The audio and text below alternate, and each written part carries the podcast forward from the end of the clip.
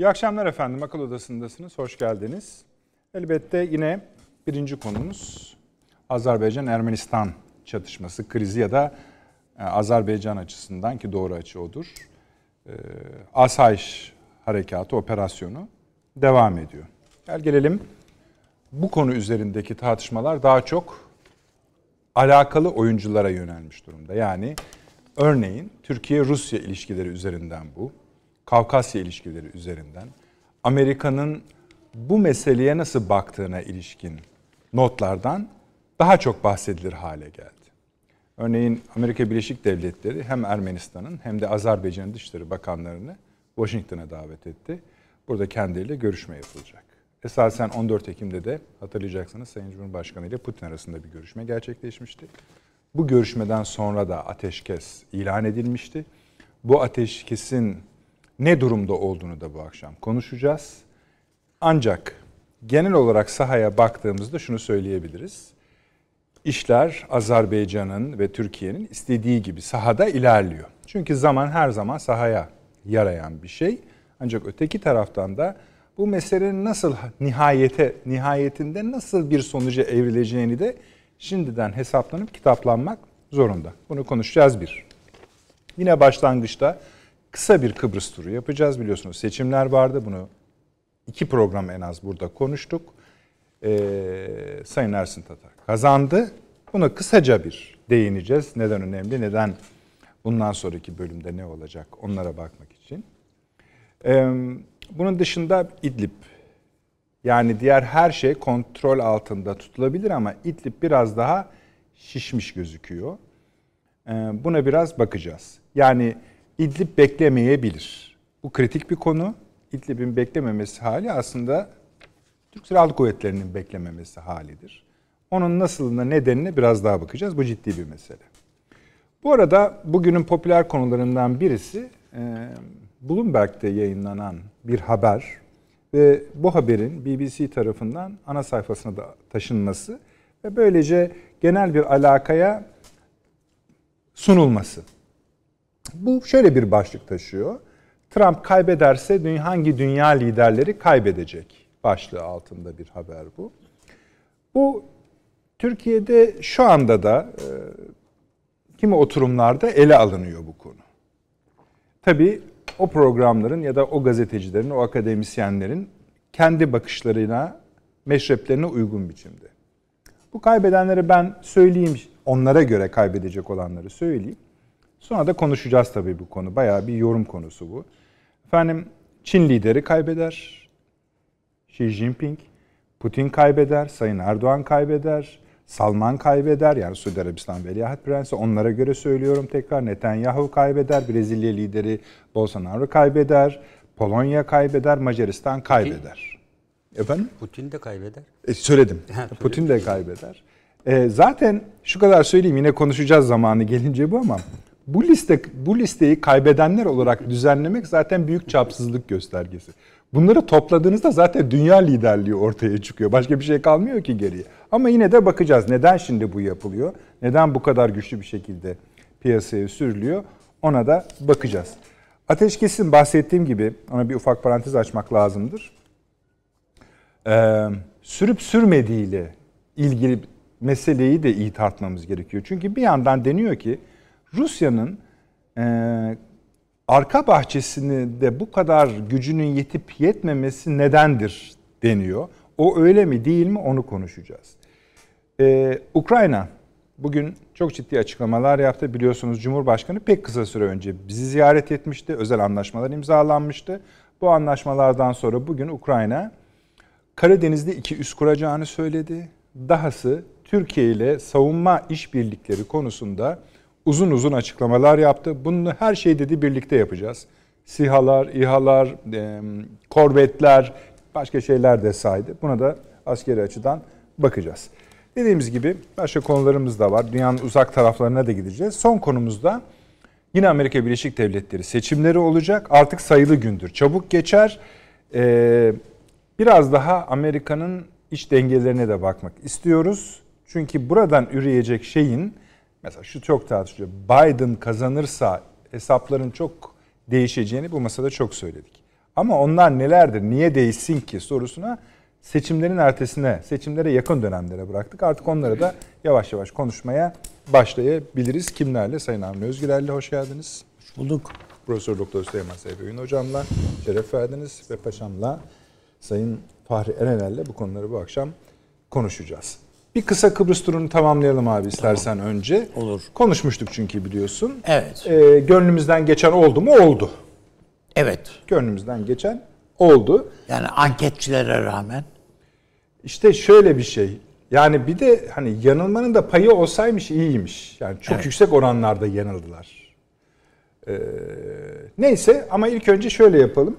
Sayın e, Kuzey Kıbrıs Türkiye Cumhurbaşkanı'nı biz de gönülden evet. tebrik edelim, kutlayalım. İlk açıklamaları da aslında gayet kapsayıcı açıklamalardı. Rum kesimine evet. yönelik, Yunanistan'a yönelik kapsayıcı açıklamalar yaptı. Esasen oradan da aynı cevaplar geldi. Biraz onlar şaşırmış gözüküyorlar bu evet. seçim sonuçlarına. Ama yine de dengesiz cevaplar vermediler. Yani tamam biz de görüşelim, hazırız vesaire dediler. O kadar kolay değil hepimiz biliyoruz ama.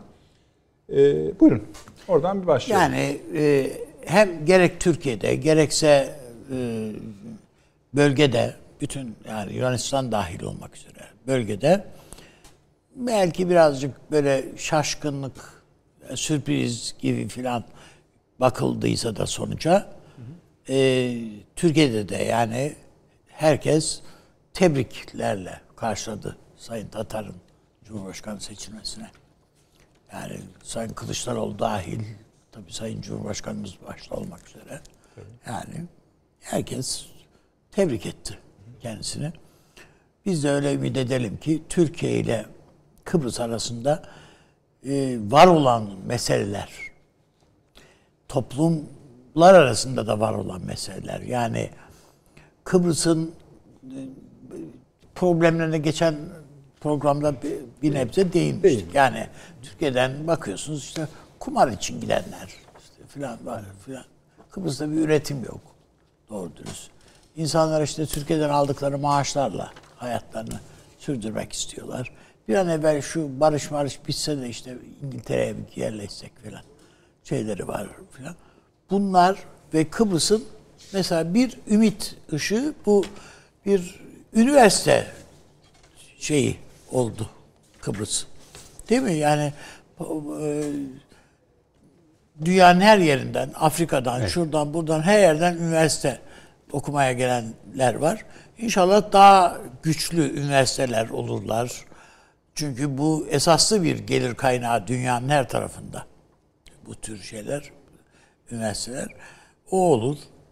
Bir başka şey, tabii e, Sayın Tatar arkasında Türkiye'nin çok ciddi desteğini alarak, alarak geldi.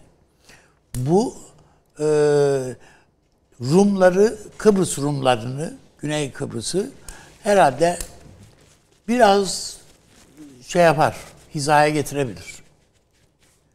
Yani e, daha uzlaşmacı veya çıkış yolu. Mesela bakın bu Maraş'ın açılması bile yani onları neleri yok et, neleri ellerinden e, kaybedebilecekleri, ya yani ellerinde değildi de yani başkaca birçok şeyi ellerinden kaçırabileceklerinin işaretini gösterdi. Yani Türkiye ile kapışmanın, Kıbrıs e, KKTC ile kapışmanın e, Türkiye ile kapışmak manasına da geldiğini.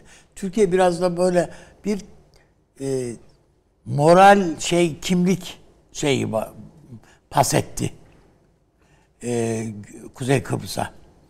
Yani müstakil bir devlet muamelesi görmeye başladı. Başlayacak belki de. O bakımdan ben e, önümüzdeki dönemin çok e, Kıbrıs Görüyorum için de, Türkiye için de hayırlı. Varsınız. Ha? Ümit varsınız. Ben var, ümit varım. Yani bu suyla birlikte yarın bir gün enerji de kabloyla üzerinden taşınacaktır Kıbrıs'a. Bu Rum kesiminin de çünkü çok büyük bir ihtiyacı jeneratörle yaşıyorlar he, onlar. E, keza su için de aynı şey geçerli tabii. Yani e, aslında akıllarını başlarına alsalar Rum kesiminin kazanabileceği veya sağlayabileceği kendisine pek çok rahatlık var. Yani Türkiye'nin ile kurulan e, o kordon bağından dolayı.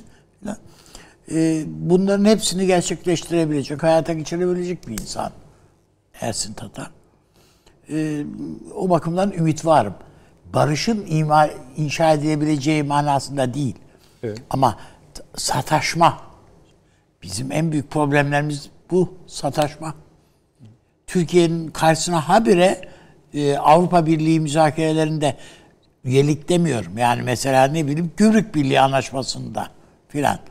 Yani bunların hepsinde Rum kesiminin rezervi. Hepsi de çıkıyor. Halbuki bu e, yapıl imzalaması gereken ve bundan yani Avrupa Birliği üyeleri bile rahatsızlar. Bu e, rezerv şeyinden filan. Aynı şey işte e, Belarus'la ilgili olarak da yani biz sadece biz rahatsız değiliz.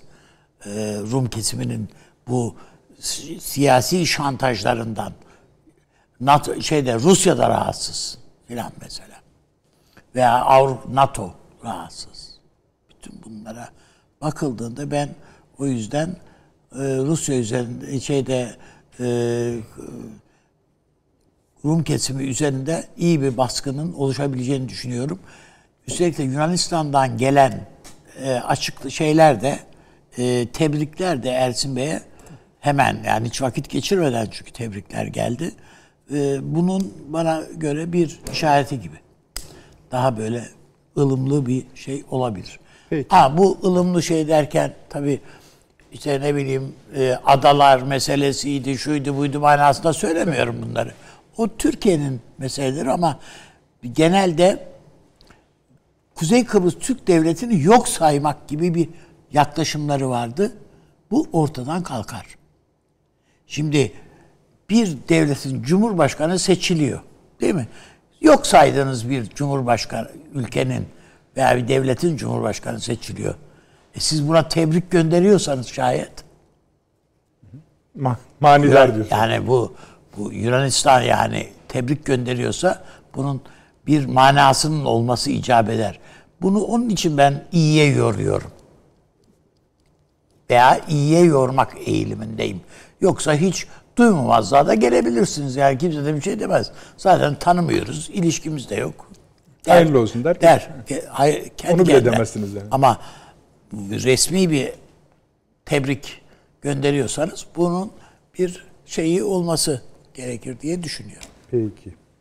Süleyman Hocam, siz başka türlü bir sonuç olacağını düşünüyor muydunuz? Ee, yani Şu manada soruyorum. Ee, KKTC seçimleri geniş bir bölgenin merkezindeki seçimler. evet Bu manada soruyorum. tabii. Valla e, ürküyordum açık söylemem gerekirse. Yani yazılanlar, çizilenler, yapılan bir takım hesaplar acaba mı dedirtiyordu. Kıbrıs'ın geleceği açısından. Hatta hatta daha çok şuraya teksif etmiştim kendimi. Yani e, eğer Sayın Akıncı kazanırsa neler olabilir?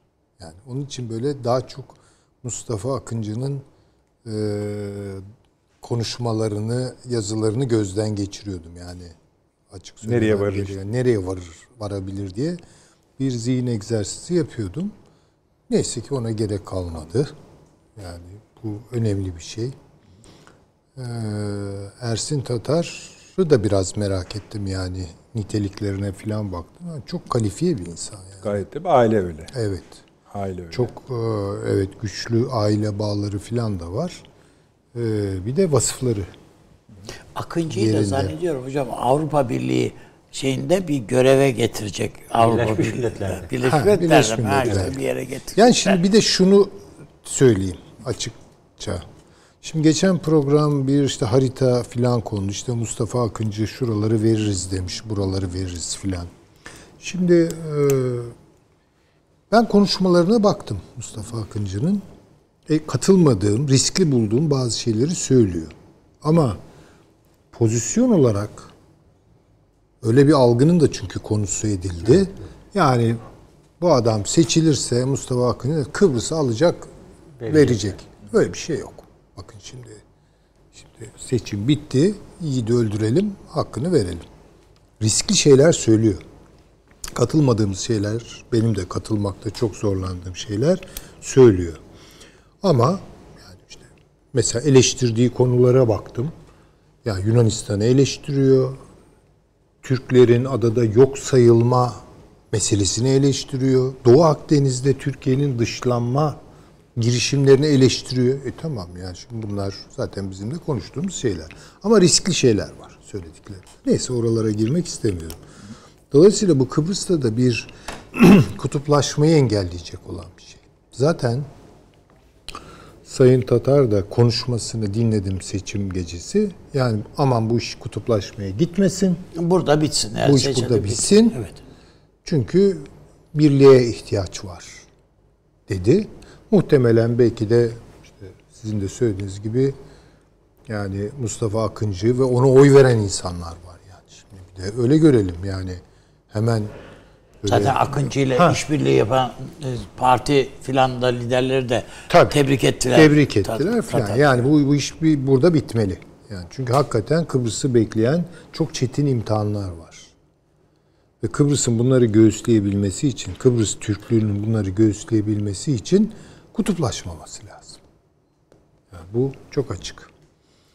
Ee, belki bir takım jestler de beklenebilir. Dediğiniz gibi yani şeye Birleşmiş Milletler'e gönderilmesi midir, nedir bilmiyorum. Kim yapacak bu jesti? Bilmiyorum ya belki Ersin Bey yapacaktır. Ersin Bey değil de zannediyorum doğrudan doğruya Ee, genel sekreter. Belki de genel sekreter onu yapacaktır. Yani bilmiyorum yani Bu da nasıl bir şey anlatır işleyecek. da onun için sordum. Efendim? Bu da bir şey anlatır da onun için sordum. E, tabii ki yani bu benim e, üzerinde durduğum bu işin bir kutuplaşmaya Kıbrıs için gitmemesi. Yani bu çok kritik bir şey. Mustafa Akıncı'nın bir takım tezleri vardı. Ersin Tatar'ın bir takım tezleri vardı. Bunların kesiştiği yerler var, kesişmediği yerler var. Tabii ki bizim temenni ettiğimiz dışarıdan oy kullanacak halimiz yok. Ersin Tatar'ın kazanmasıydı. O da zaten gerçekleşti. İşin büyütülmemesi gerekiyor. Çünkü Kıbrıs bundan sonra çok daha fazla konuşulacak. Buna hazırlanalım. Yani üst talepleriyle konuşulacak, statüsüyle konuşulacak vesaire. Ve her seferinde kararlılıkla göğüslenmesi gereken süreçler. Mustafa Akıncı formülünün eee, niye çok sempatiyle yanında duramıyorsunuz? Çünkü riskli şeyler söylüyor. Yani o dalgaları karşılamak Biraz da itibariyle şöyle söylemek de mümkün. Yani riskli şeyler söylüyor ama ilişkilerinde de problemler var. var işte yani. Ama bu şöyle bir şey hani bu tür durumlarda şu böyle Türkiye ile ya da A ülkesi B ülkesi diye tarif etsek bile ilişkileriniz kötü olamaz bu tür liderliklerde. Ee, yani şimdi şöyle de düşünelim o zaman. Doğru dediğiniz bu hani politically correct tarafı. Ee, bu problemleri kullanarak siyaset yapıyorsa Mustafa Akıncı ve bir takım insanlar yüzde kırkı diyelim ki oy veriyorsa bir de ayrıca düşünmek lazım. O da alt bir başlık olarak muhakkak açılmalı, konuşulmalı. konuşulmalı. Ama belki Yani bu- Sayın Ersin Tatar yönetimi bu, bu dosyayı da açık. Bu dosyayı da aç. Belki yani bunu bu meseleyi de halledecek. Yani çünkü geçen programda Evet. e, Şimdi üstadımız geçti da söyledi. ama ha. yani Tabii. Kıbrıs'ın yani liderliği meselesi bölge açısından düşündüğünüzde çocuk oyuncağı Ya değil. değildir, hayır değildir ama yani bir takım sorunların da yok sayılması üzerine de götürülemez. Yani bir takım sorunlar var. Aynı şeye bakın Kıbrıs, Güney Kıbrıs'la Yunanistan arasında da var. Yani şimdi onlar da kendilerine göre Hocam Makaryos varken de vardı. vardı. Ya bunlar bir de doğal. Yani ama darbeyi bunları Makaryos'a karşı yaptılar. evet. Yani bunları bir kere herhalde devlet yetkilileri bizlerden çok daha iyi biliyorlar ve bu sorunları gömmeden çözerek de ilerlemek gerektiği konusunda düşünüyorum ben. Yani e, rakam oyunları üzerinden böyle sert çıkarsamalar yapmak, dışlayıcı, yargılayıcı buna gitmemek gerekiyor. Onu söyleyebilirim. Yani işte mesela yüzde 60, yüzde 40 yani ezdik geçtik, ötekiler yok, yok. satıyordu biz Anladım, koruyoruz falan. Yani Evet, bu, değil. bu kadar basit değil. Zaten Biraz- %60'a 40'lık bir oran. Yani Ha, mesela ha, yani işte çok konuşuldu ya. Anladım. e, öyle diyenler de vardı. Yani yüzde 60'la Mustafa Akıncı "Ha, bu çok ciddi bir şey olurdu yalnız. Yani Gayet tabii. Şimdi bunu söyleyenler de ya bu basit bir şey değil. yani bağ kopuyor. Tabii. Yani Türkiye ile e, Tabii Kuzey Kıbrıs'ın arasındaki hayır oyu bu. Türkiye'ye hayır oyu demektir bu yani. Gayet tabii. Lale Hangi zamanlamada? Ve hangi Yani zamanlamada yani bunu bu kadar kolay mı telaffuz etmek falan. E, Dolayısıyla buna böyle bakıyorum. Kıbrıs çok konuşulacak. Yani bundan sonra daha da konuşulacak. Yükleniyorlar çünkü. Bütün donanmalar Kıbrıs açıklarında seyrediyor. Yani bu böyle yani dışarıdan Bu gelen altın yalan- değerinde. Evet evet yani biraz bu köpek balığı iştahı yani böyle bayağı bir dolanıyorlar yani. Adanın etrafında. Dolanıyorlar yani. Yüzgeçler falan ortada görüyorsunuz. Büyük beyazlar var falan yani. Şimdi dolayısıyla hani Türkiye'nin de buna e, dönük yatırımları yani bir Kıbrıs siyasetimizi yeniden şekillendirmekte fayda olduğunu e, düşünüyorum. Seçimin bu şekilde yapılması ve bu şekilde bitmesi sorunsuz bir şekilde yapılması hani itiraz da gelmedi. Yani değil mi? Hiledir, hurdadır falan gibi zaten olmaz o. Küçük bir yer. E, Dolayısıyla temiz bir seçim. Temiz bir sonuç. Önümüze bakalım diyorsun. Evet artık önümüze bakmakta fayda var. Teşekkür ederim. Paşam buyurunuz. Valla e, öncelikle tabii e, Sayın Ersin Tatar'ı e, ben işten kutluyorum. Geçen yıl e, TASAM tarafından verilen e, ödül sırasında kendisine e, vizyoner siyasetçi e, ödülü verilmişti. E, yan yanaydık ve bu sürece gelmiş olması gerçekten e, Türkiye açısından da ve Kıbrıs, e, Kuzey Kıbrıs Türk Cumhuriyeti e, halkı açısından da son derece önemli. E, Ben tabii bu andan itibaren e, Kıbrıs'la ilgili geçmişe yönelik e, her türlü girişimler, Birleşmiş Milletler nezdinde yapılan e, toplantılarda alınan kararlar vesaire uygulanmayan bir sürü karar bir kenara bırakılarak Türkiye ile birlikte Kuzey Kıbrıs Türk Cumhuriyeti'nin e, yeniden geleceğine yönelik bir manifesto ortaya konulmalıdır. Yani e, kapsamlı ve alternatifleriyle e, şu anki gelişmeleri ve bir öngörü yaparak geleceğe yönelik e, gelişmeleri de dikkate alarak e, Kuzey Kıbrıs Türk Cumhuriyeti'nin e, geleceğini şekillendirici bir manifesto yer almalı. Yani bunun askeri, ekonomi, siyasi boyutlarıyla birlikte e, bütün bunları e, kapsamlı bir şekilde içermelidir. Tabii bunlar olurken e, şu anda e, Sayın Tatar seçildi ama kendisinin başbakan olduğunda e, hükümette yer alan diğer bir parti, koalisyon partisi istifa etti. E, şu anki mevcut durumda koalisyonun kurulması zor e, görülüyor. Yani Tekrar bir Cumhurbaşkanlığı meselesi tamam ama bir hükümet bir meselesi hükümet var. meselesi var. Dolayısıyla e, bu hükümet meselesi e, Kı- Kuzey Kıbrıs Türk Cumhuriyeti'nin e, hızlı bir şekilde manevrasını e, belki ilk başta sınırlayacağını ben düşünüyorum. O yüzden e, bir an önce bu konuda da karar verilmeli. Erken bir seçim yapılıp yapılmayacağı belli olmalıdır. Yani bu konuda e, bence tabii bu bir siyasetin demokrasinin gereğidir. Koalisyon için arayışlarda bulunması. Bunun için belli bir süre verilmeli ama bunda çok fazla ısrarcı olunmadan hazır bir seçim havası içinde varken belki bir seçim daha yapılarak Kuzey Kıbrıs Türk Cumhuriyeti'nin e, daha derin bir vadede en az 4-5 yıl e, olaya e, daha geniş Yani bir perspektifle 2021'e daha sağlam girmek. Evet, girmesine imkan sağlanabilir.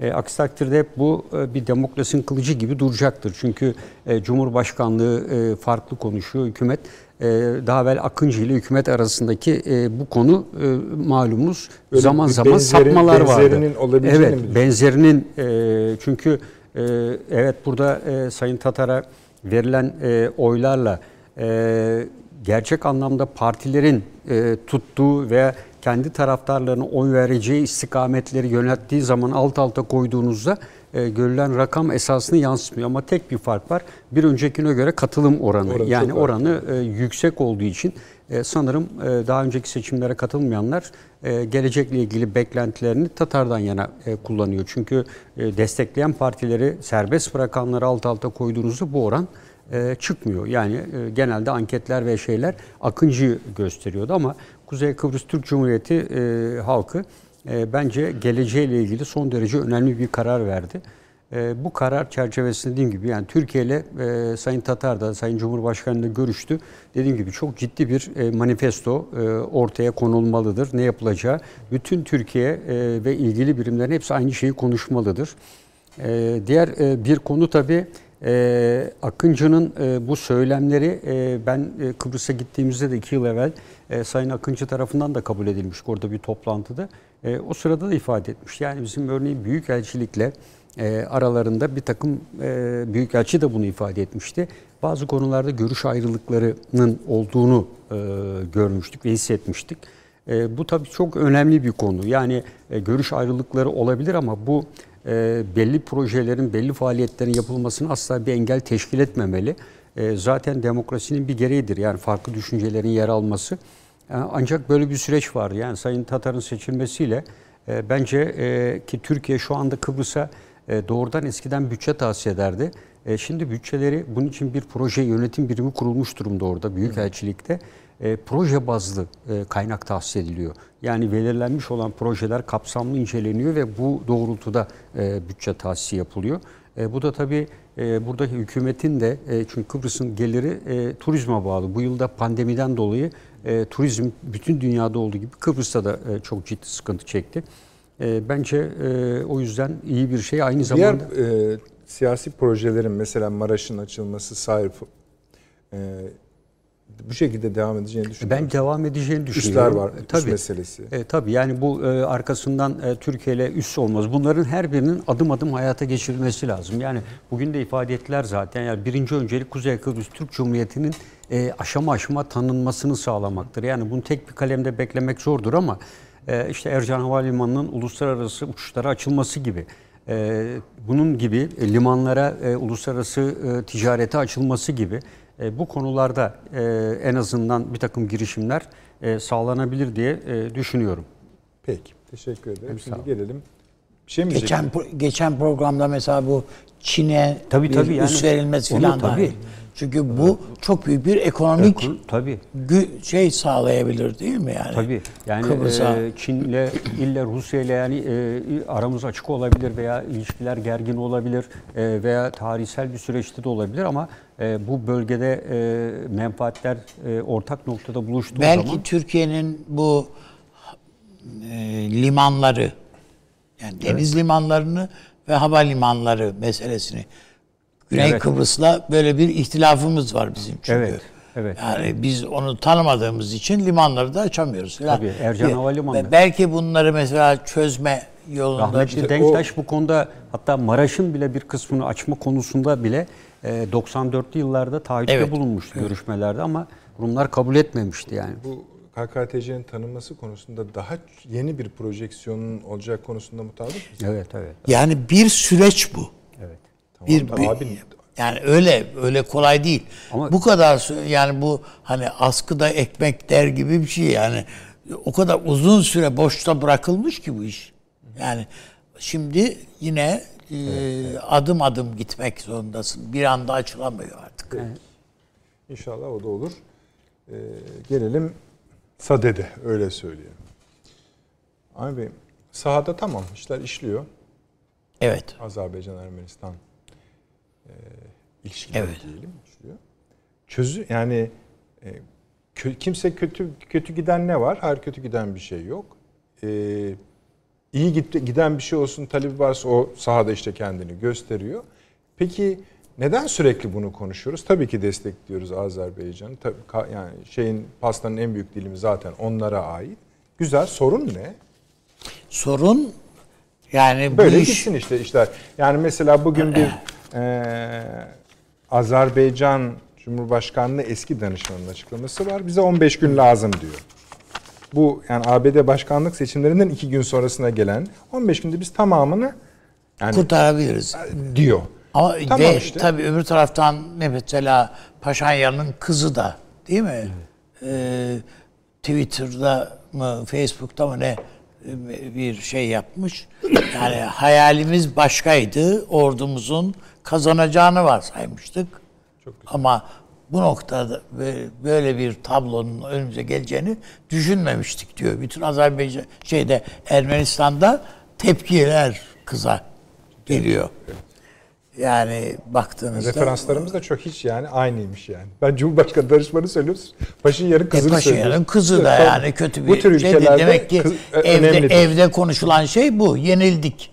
Doğru daha içeriden biliyor. Yani daha içeriden bir tep şey o. Peki. Ben e, buna rağmen bizi rahatsız eden şey şu. E, geçen programda da gerek hocam gerek paşam da konuşmuştuk. Taşansı Hoca da öyle keza. E,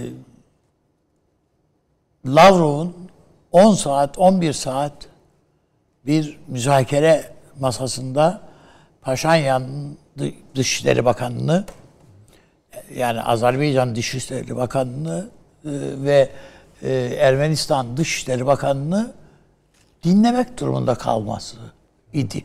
İkna etmeye uğraşması idi. Burada Ermenistan'ın direnci ki normalde böyle bir Rusya karşısında böyle bir direnç söz konusu bile değil yani. Yani sadece yazarsın masanı kağıdın üstüne gönderirsin. İşte al bu der dersin. Biterdi iş. Ama bitmediğine göre ben e, programa girmeden de konuştuğumuzda söylemiştim.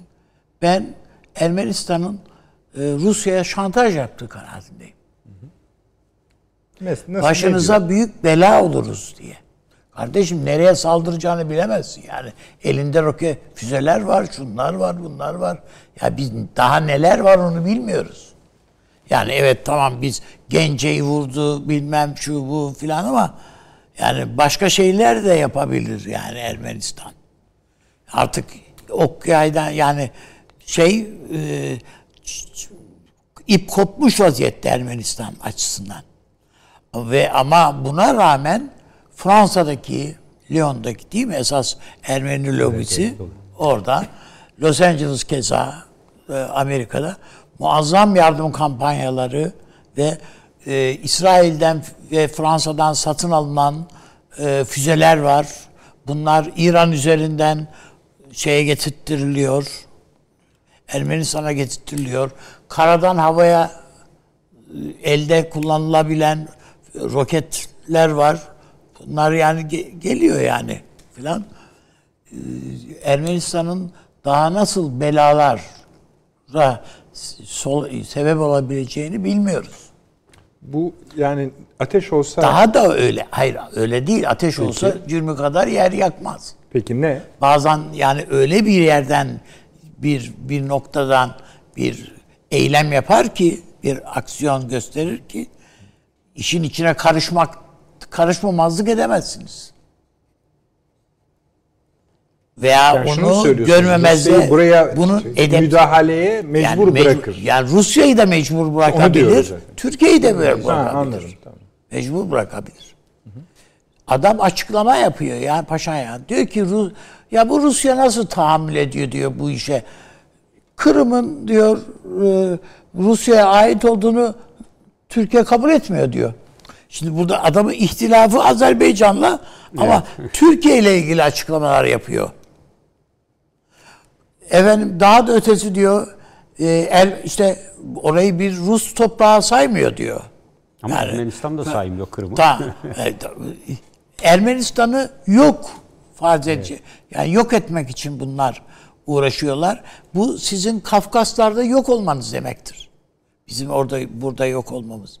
Bunu nasıl göze alabiliyorsunuz bu Türkiye'yi? Kaldı ki bu Türkiye nerede olsa sizin karşınıza çıkıyor diyor. Libya'da da karşı. Suriye'de de karşınızda filan. Yani Rusya'yı böyle NATO'yu sizin karşınıza getirecek Karadeniz'de diyor. Haberiniz var mı diyor. Filan. E Bunlar bunları Rusya'ya söylüyor yani Lavrov'a söylüyor. Tamam bunların hepsi de doğru. Daha Ha, fazlası hayır, da var hatta. Daha fazlası da olabilir de ama bu, bu bunlar bunlar ya yani normalde e, Rusya söyleyebileceği laflar değil bunlar. Yani ağzını bile açmaması gereken laflar bunlar. Abi ne istiyorsunuz? Şunlar tamam emriniz olur. Çarşamba günü olmasa da perşembe olsa falan diyebilirdi en fazla. Şimdi öyle değil. Moskova'da diyor Aliyev gelirse diyor görüşürüm diyor orada diyor. Ha buyur. E, Pompeo bakıyorsun diyor ki işte ikisinin de dışişleri bakanları gelsin Washington'a bir görüşelim diyor. İkisi de kabul ediyor. İkisi de kabul ediyorlar. Avrupa'dan hala Avrupa Batı basınından da hala Azerbaycan lehine tık yok ya. Yani tek tük bir iki tane böyle şey hariç. İşte Türkiye. Cumhuriyetler daha yeni biliyorsun vaziyet alıyorlar. O da Yani tam net mi? ne alıyorlar ne almıyorlar belli değil ama hani uluslararası kamuoyunu şey yapan, yönlendiren basın yayın organlarına bakıyorsun. Bir iki böyle yorum falan şeklinde istisnalar. BBC'nin bir sağlam duruşu hariç onu bir tarafa ayıralım.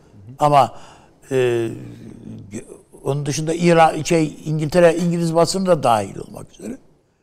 Hiç Batı basınında tık yok yani Ermenistan yani iki taraf diyor bilmem ne filan diyor. Ona de çatışmaları sona erdirmek lazım diyor. Şu diyor bu diyor filan. İşgal müşgal filan hiç hayır öyle bir şey söz konusu değil. Söylediklerinizin toplamı Rusya'nın buraya gücünün yetmediği anlamının.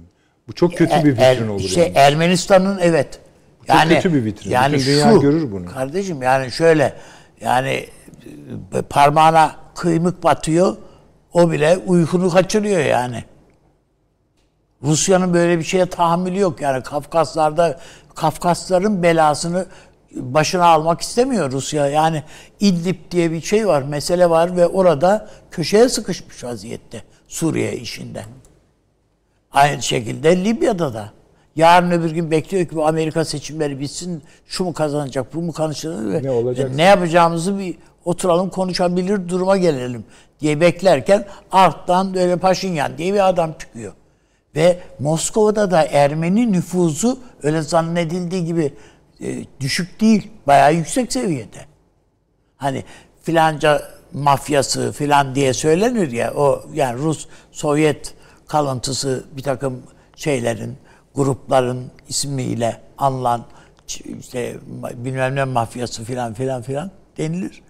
Ö- Onun gibi Rus mafyası şeyde Ermeni mafyası da var yani. Basbayağı güçlü. Azınlıklar daima mafyadır zaten. Bu, bu anlamda ama burada Ermeniler zaten Sovyet zamanında da zaten Rusya'nın içerisinde yönetici sınıfından insanlar, asker sınıfından en yükseğe kadar tırmanmış insanlar, belki hala şey, yani şey e, Lavrov Ermeni değil mi? Evet.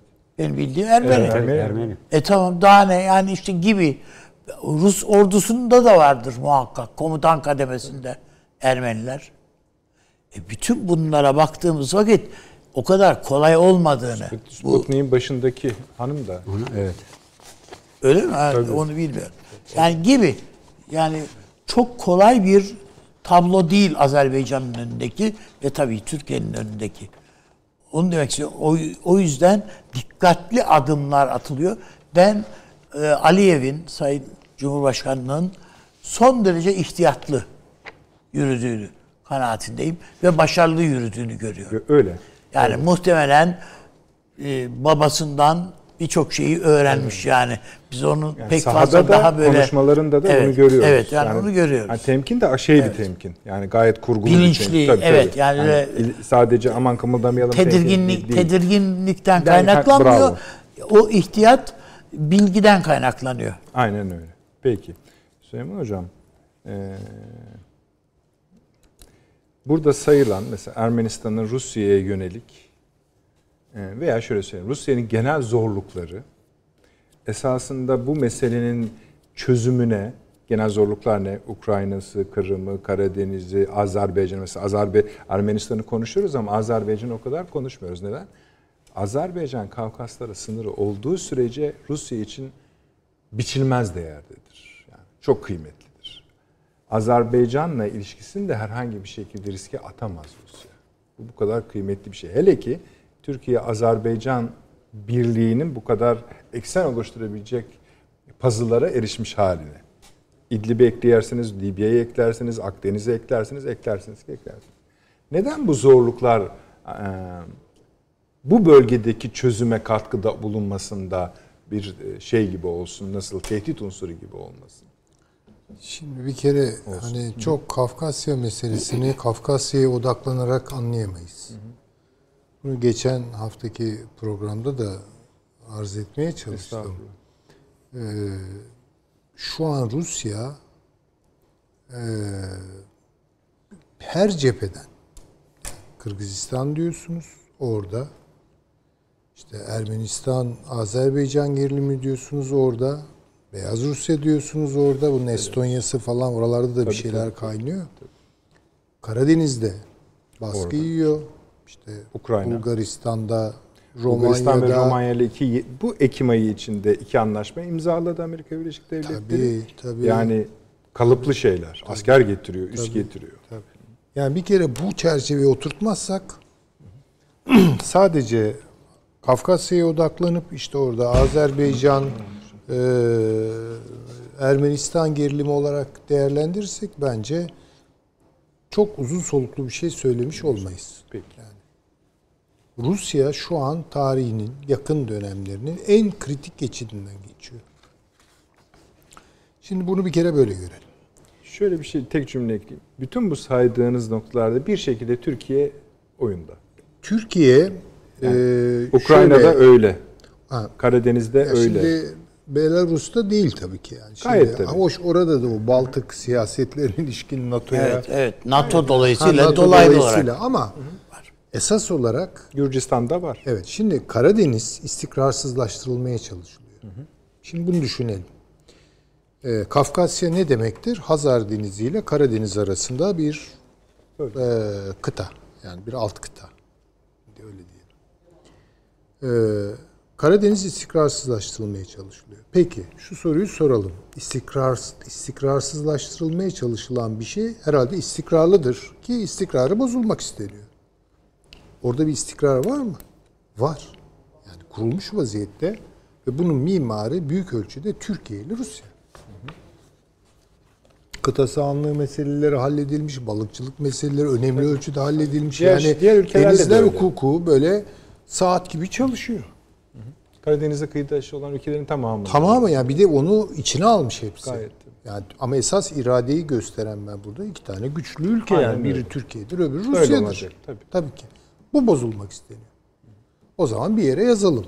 Demek ki Türkiye-Rusya ilişkilerinin bozulması üzerinden Karadeniz Aynen istikrarsızlaştırılmak isteniyor. Başından beri söylüyoruz. Yani daha doğrusu e, üstadım da katıldı, paşam da daha hararetli bir biçimde katıldı. Onu hatırlıyorum. Ya bu işin arkasında kim vardır işte olağan şüphelileri gözden geçirirken yani kim falan diye bakar. Bu dedim. Kimi Fransa dedi, kimi Rusya dedi şimdi. Bunlar düşünülmeden söylenmiş laflar. Başından beri Amerika dedik. Amerika Birleşik Devletleri dedik. Çünkü bir Karadeniz açılımı yapmak istiyor. iki bir Hazar açılımı yapmak istiyor. Dolayısıyla bu iş nerede yapılır? Tabii ki sularda yapılır ama o kıtasal bağlantılar üzerine yapılır. Biçilmiş kaftan işte Azerbaycan, Ermenistan arasındaki gerilimdir. Peki bu gerilimin mimarı kim? Rusya. Rusya neye karşı burayı böyle tasarımladı? Ermenistan'la Azerbaycan arasındaki sınırları çizdi. Türkiye ile Azerbaycan arasındaki bağları koparmak için. Yani Ermenistan'ı bir ileri karakol gibi kullandı mı kullanmadı mı? Evet kullandı bunu da biliyoruz. Ve dahası tabii Asya'yı güvence altına almak, Orta Asya'yı oradaki Türk Cumhuriyetleri ile Türkiye'nin arasında. Tabii bütün bunların bir açılımı da şu. Buraların NATO kontrolüne girmesi. Ama şimdi Rusya'nın kurduğu bu oyun ona karşı çalışıyor. Çünkü bakın ileri karakol lafı Türkiye için de söylendi. NATO'nun ileri karakolu. Ermenistan için de söyleniyor bu. Rusya'nın ileri karakolu. Ama tabii kalibreler farklı. Yani Türkiye evet bir dönem itibariyle bu rolü oynadı. Hakikaten güçsüzdü. Ekonomik olarak kendini toparlayamamıştı vesaire. Ama şimdi değilim diyor ben. Bana diyor ileri karakol rolü biçemezsin. Ermenistan da bunu söylüyor Rusya'ya. Ya sen benimle oynayıp duruyorsun. Yani gel müdahale et. Gel beni kurtar. Ama bunu Ermenistan'a söyleten ne? Amerika Birleşik Devletleri. Yani şu Rusya'nın orada kurmuş olduğu bu oyuna kendisinin gelmesini sağlayacak ne varsa yap. Şimdi bunu, bunu böyle göreceğiz. Ee, Çünkü Amerika'nın eliyle gelen bu davet Rusya'nın eğer bu bölgeye müdahalesiyle sonuçlanırsa aslında sonuçlanmamış olur çünkü Türkiye'de. Tabii. Yani şimdi Türkiye ile Rusya'nın şimdi Amerika Birleşik Devletleri'nin ileride olduğu pozisyon şu. Amerika Birleşik Devletleri başından beri söylüyoruz bunu ya da ben e, kendi nam ve hesabıma konuşuyorum. Ben söylüyorum. Türkiye'yi gözden çıkarttı. Bunu artık veri alalım. Son nerede kullanabilirim Türkiye'yi? Rusya ile bunlar böyle zaman zaman bir araya geliyorlar. İran'da katıyorlar yanlarına filan. Bu Avrasya'da bu olmaz. Çünkü Avrasya'yı ele geçirmek istiyoruz. Yani şey Amerika Birleşik Devletleri tam kontrol. Dolayısıyla buradaki muhtemel bütün ittifakları daha Ruşeym halindeyken de olsa bozmak. Yani hiç Siz hoşlanmadı şeyi mi düşünüyorsunuz hocam?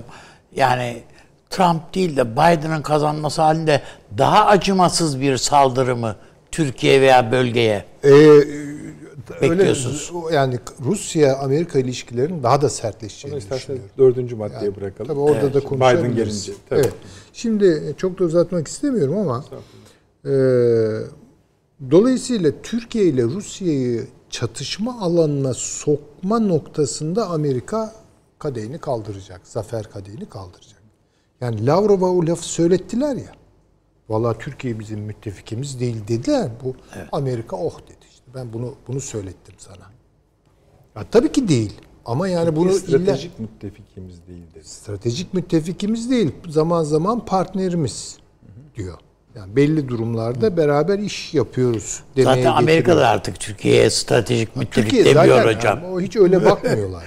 yani ama Amerika Rusya'ya bunu söylettiği zaman Türkiye ile Rusya arasındaki işte o Karadeniz barışını kurmuş olan ittifak bu real politik bir şeydir.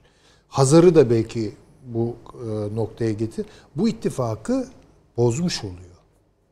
Sarsmış oluyor. Dolayısıyla buradan emin çıkıyor kendinden. Şimdi Ermenistan'ı sürekli böyle Rusya'nın başını ağrıtan bir şey olarak kullanacak. Yani biz de diyorduk ki Amerika'ya bu ne biçim müttefiklik? Yani biz de oraya diyorduk. İşte Ermenistan da Rusya diyor. Bu ne biçim müttefiklik diyor.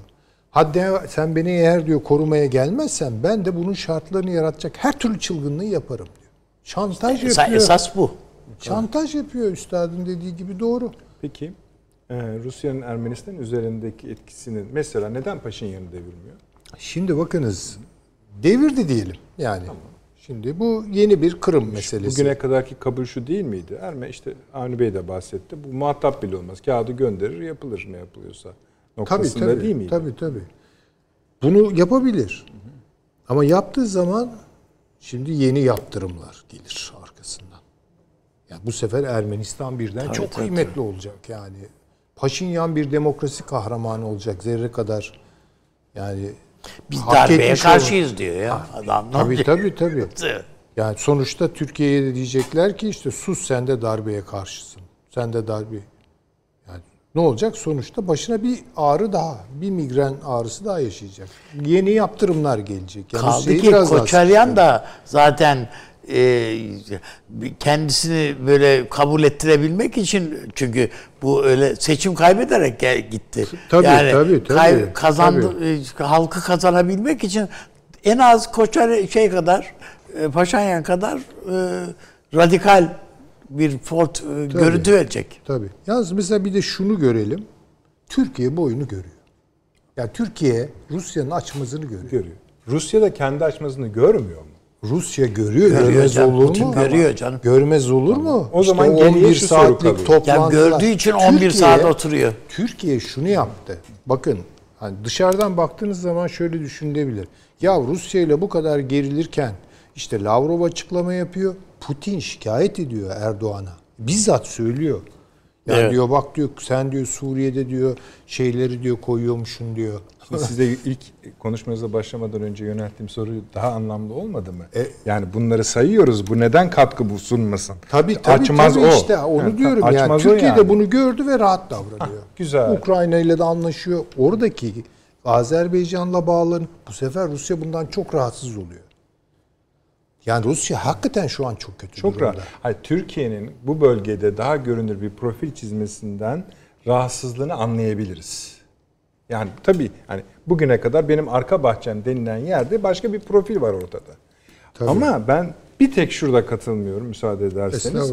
Bütün kurgunuza mutabıkım. Yalnız neden hani e, mesela e, madem bu kadar bir zıtlık vardır işi tehlikeli yere kadar götürecek. Neden mesela Erivan liderliğine müdahale etmiyor? İlla devirmek anlamında gibi yani sebeplerden biri bu. Ama o çok yani diğer her şey çok kuvvetli. Ama ikincisini de siz cevap olarak vermiştiniz. Azerbaycan'ı kaybedecek bu sefer. Neden? Yani şimdi Erivan'ı kontrol altına aldıktan sonra şimdi kontrolündeki bir Ermenistan yani Moskova'nın sözcüsü bir Ermenistan'la Azerbaycan arasındaki sorun bitmiyor ki. Karabağ Ama şöyle bir sorunu- durum var. Bağışlayın hocam. Ee, Rusya'nın sözcüsü bir Ermenistan aslında şu sözü söyleyecek. Beş kan veriyorum buraları. E, ama Ama vermeyecek işte bir bakın. Yani onu asla bakın istemez. O zaman Azerbaycan'la Ermenistan arasındaki meseleler bitmiş olacak. Bu Rusya'nın istediği bir şey mi? Bir Asla de, istemiyor. bir de Sorun şöyle bir şey var hocam. istiyor. Yani Rusya bu işin ekonomik de bir maliyeti var Tabii yani. ki, bir de o var Ermenistan'ı yani. doyurmak zorundasın. Doyurmak zorundasınız. Başka şeyler E, var. Rusya'nın parası yok yani şu anda. Bir de çok Kendi daha bence- askerini doyuramıyor ya değil Evet, mi? bir risk olarak şunu da kaydediyorum. Yani bu çaresizlik Rusya'ya olmadık işler yaptırabilir. Bakın. Yani o bir Ve bu ihtimallerden bir tanesi de Azerbaycan'a yürüyebilir bir gün bakın. Yani böyle bir çılgınlık da yapabilir. Madem öyle diyebilir. Yani onun için dikkat Ya edin. hürrü ya merru. Ha, ya her ya herru ya merru. Onun için hakikaten çok dikkatli götürülmesi gereken bir siyaset bu. Ne Türkiye ne Azerbaycan Erivan'a dokunmuyor. Şartlar oluşmuş olmasına rağmen. Çünkü oradan fırlatılan füzeler savaş alanı Erivan da Bakü'ye gitmiyor. tam işte yaklaşıyor ama. Ay ya, 150 ciddi. metre. Ee, bakın 150 metre. bunu Paşam sonuna kadar sonuna kadar Evet. bu tansiyonu arttıracak. Ben ben de şöyle Yani, düşünüyorum. ha, şimdi Rusya'nın bir beklentisi olduğunu düşünüyorum. Zamanlama beklentisi olduğunu düşünüyorum. Türkiye'nin bu beklentiyi anladığını düşünüyorum. Yoksa buraya kadarki kurgumuz Ama Erivan'ın doğru. tahammülü yok o kadar da. Aa, Erivan da o kadar tahammüllü değil. O kadar önemli mi? Ben hala Ya evde hanımı bile pa- Paşaryan'ı ev- evde hanımı bile azarlıyordur. Hani ne oluyor? İşte kız kız, azarlıyor mu işte bak. kız azarlıyor canım belli. Yani şimdi bütün bunları aşacak bir akla ihtiyaç var. Nedir? Ya O akıl şudur. Putin'den bunu beklerim doğrusu. Çözümü de söylemek Bunu söylüyorsunuz. Bunu e, Erdoğan'dan da beklerim. Yani çünkü bunlar artık bu işlerin içinde piştiler. Tabii canım. Yani bir kardeşim bu işi gel beraber bir konuşalım. Nasıl başladı? Bu Amerika'nın bir Ha evet. O, şeyi mi? Evet. Yani Gel buradaki oturalım, mücadele konuşalım. tamam. Ha. Ve birlikte bir masa yani. Çünkü orada Güzel. artık şu lüks yok. E, tamam. Lavrov'un ettiği laf orada geçerli değil. Türkiye'yi masada düşünmüyorsun. Nerede düşüneceksin Türkiye'yi orada masada? O, o bence zaten Mutlaka şöyle şey. oturacak Türkiye o Bu masaya. açmazlar Rusya'yı da İran'ı da Astana diyelim biz ona. O üçlüye doğru sürüklemek, sürükleyecek. Sü- Tabii Sürükleyecek. bence doğrusu da Sayın bu. Aliyev'in e, so- bir soru üzerine hani İran da yardım, hayır biz öyle bir bilgi yok elimizde demesini de ben buna yoruyorum. Yani İran'ı kayırmasını da ben buna yoruyorum. Doğrudur. Yani- Yani yani çü- çünkü bu hakikaten hislerle götürülecek zaman- bir şey tamam. değil. Peki. Yani burada ikinci Astana sürecinin imtihanı yaşanıyor. Yani bir tarzları. Bu İdlib'e de yansıyabilir ama ayrı konuşalım. Bu, bu İdlib'e de yansır, her şeye yansıyabilir. Yani onun için bir kotarmak lazım bu süreci. Şimdi onun için Burada e, Rusya Rus şey e, Amerikan seçimlerine kadar dar bir zaman var hocam. e, Onu Biraz bekle- uzlaştılar uzlaştılar. yani bence de evet e, zaman da çok bol değil bu iş için. E, bu o, sürece o döneme kadar Ermenistan'ın e, Amerika Birleşik Devletleri'ndeki Ermeni lobisi karşısında Trump'ı mahcup edecek bir sonuca ulaşmaması gerekiyor. Evet evet tabii tabii. Bunu diyorum. Yani yeniden bir bir, bir sınavdan Zaman- geçiyoruz. Da- Danışmanın dediği tarih o tarihe geliyor yani biraz. Evet. Peki. Yani iki, herkes birbirinin zaaf noktalarını burada iyi bilecek. Yani Türkiye'nin kaybedebilecekleri Rusya'nın, Rusya'nın bu süreçten kaybedebilecekleri çok fazla. Daha fazla. Aynen. Bütün cepheyi kaybedebilir. Yani kaybedebilir. Bütün Onun cepheze için düşebilir. Şu an şiddetle Türkiye'ye ihtiyacı var. Bu fikri sindirmeye çalışıyor sadece şu an. Onun için gazetelerde çıkan o yazılar Doğru. o sindirim problemleriyle ilgili yazılardır. Aynen öyle. yani. Evet. Evet. Tabii keşke bizim gazetelerde de bunu yazanlar olsa çok daha makbule İyi gelecek. artık bunu. Belki bir şey demeyiz biz onu. Paşam, Paşama şöyle, bir şey sorayım da öyle başlasın. Paşam zaten şöyle bir şey. Bir de askeri şöyle, bölüm anlatacağı Bugün için. daha doğrusu dün uluslararası basında bugün bizde de çıktı herhalde. Bir süpersonik füzeyi denedi Amerika. Evet. İlk denemesini yaptı. Süper, evet.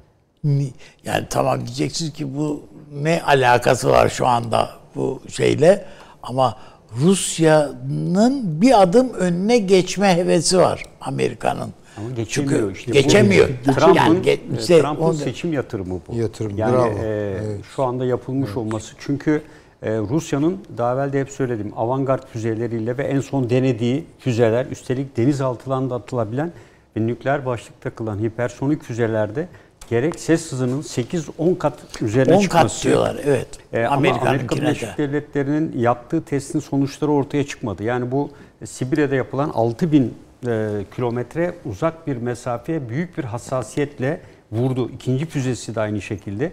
Çin de benzeri daha düşük bir hıza sahip 6 mah civarındaydı. Çin de bir füze geliştirdi.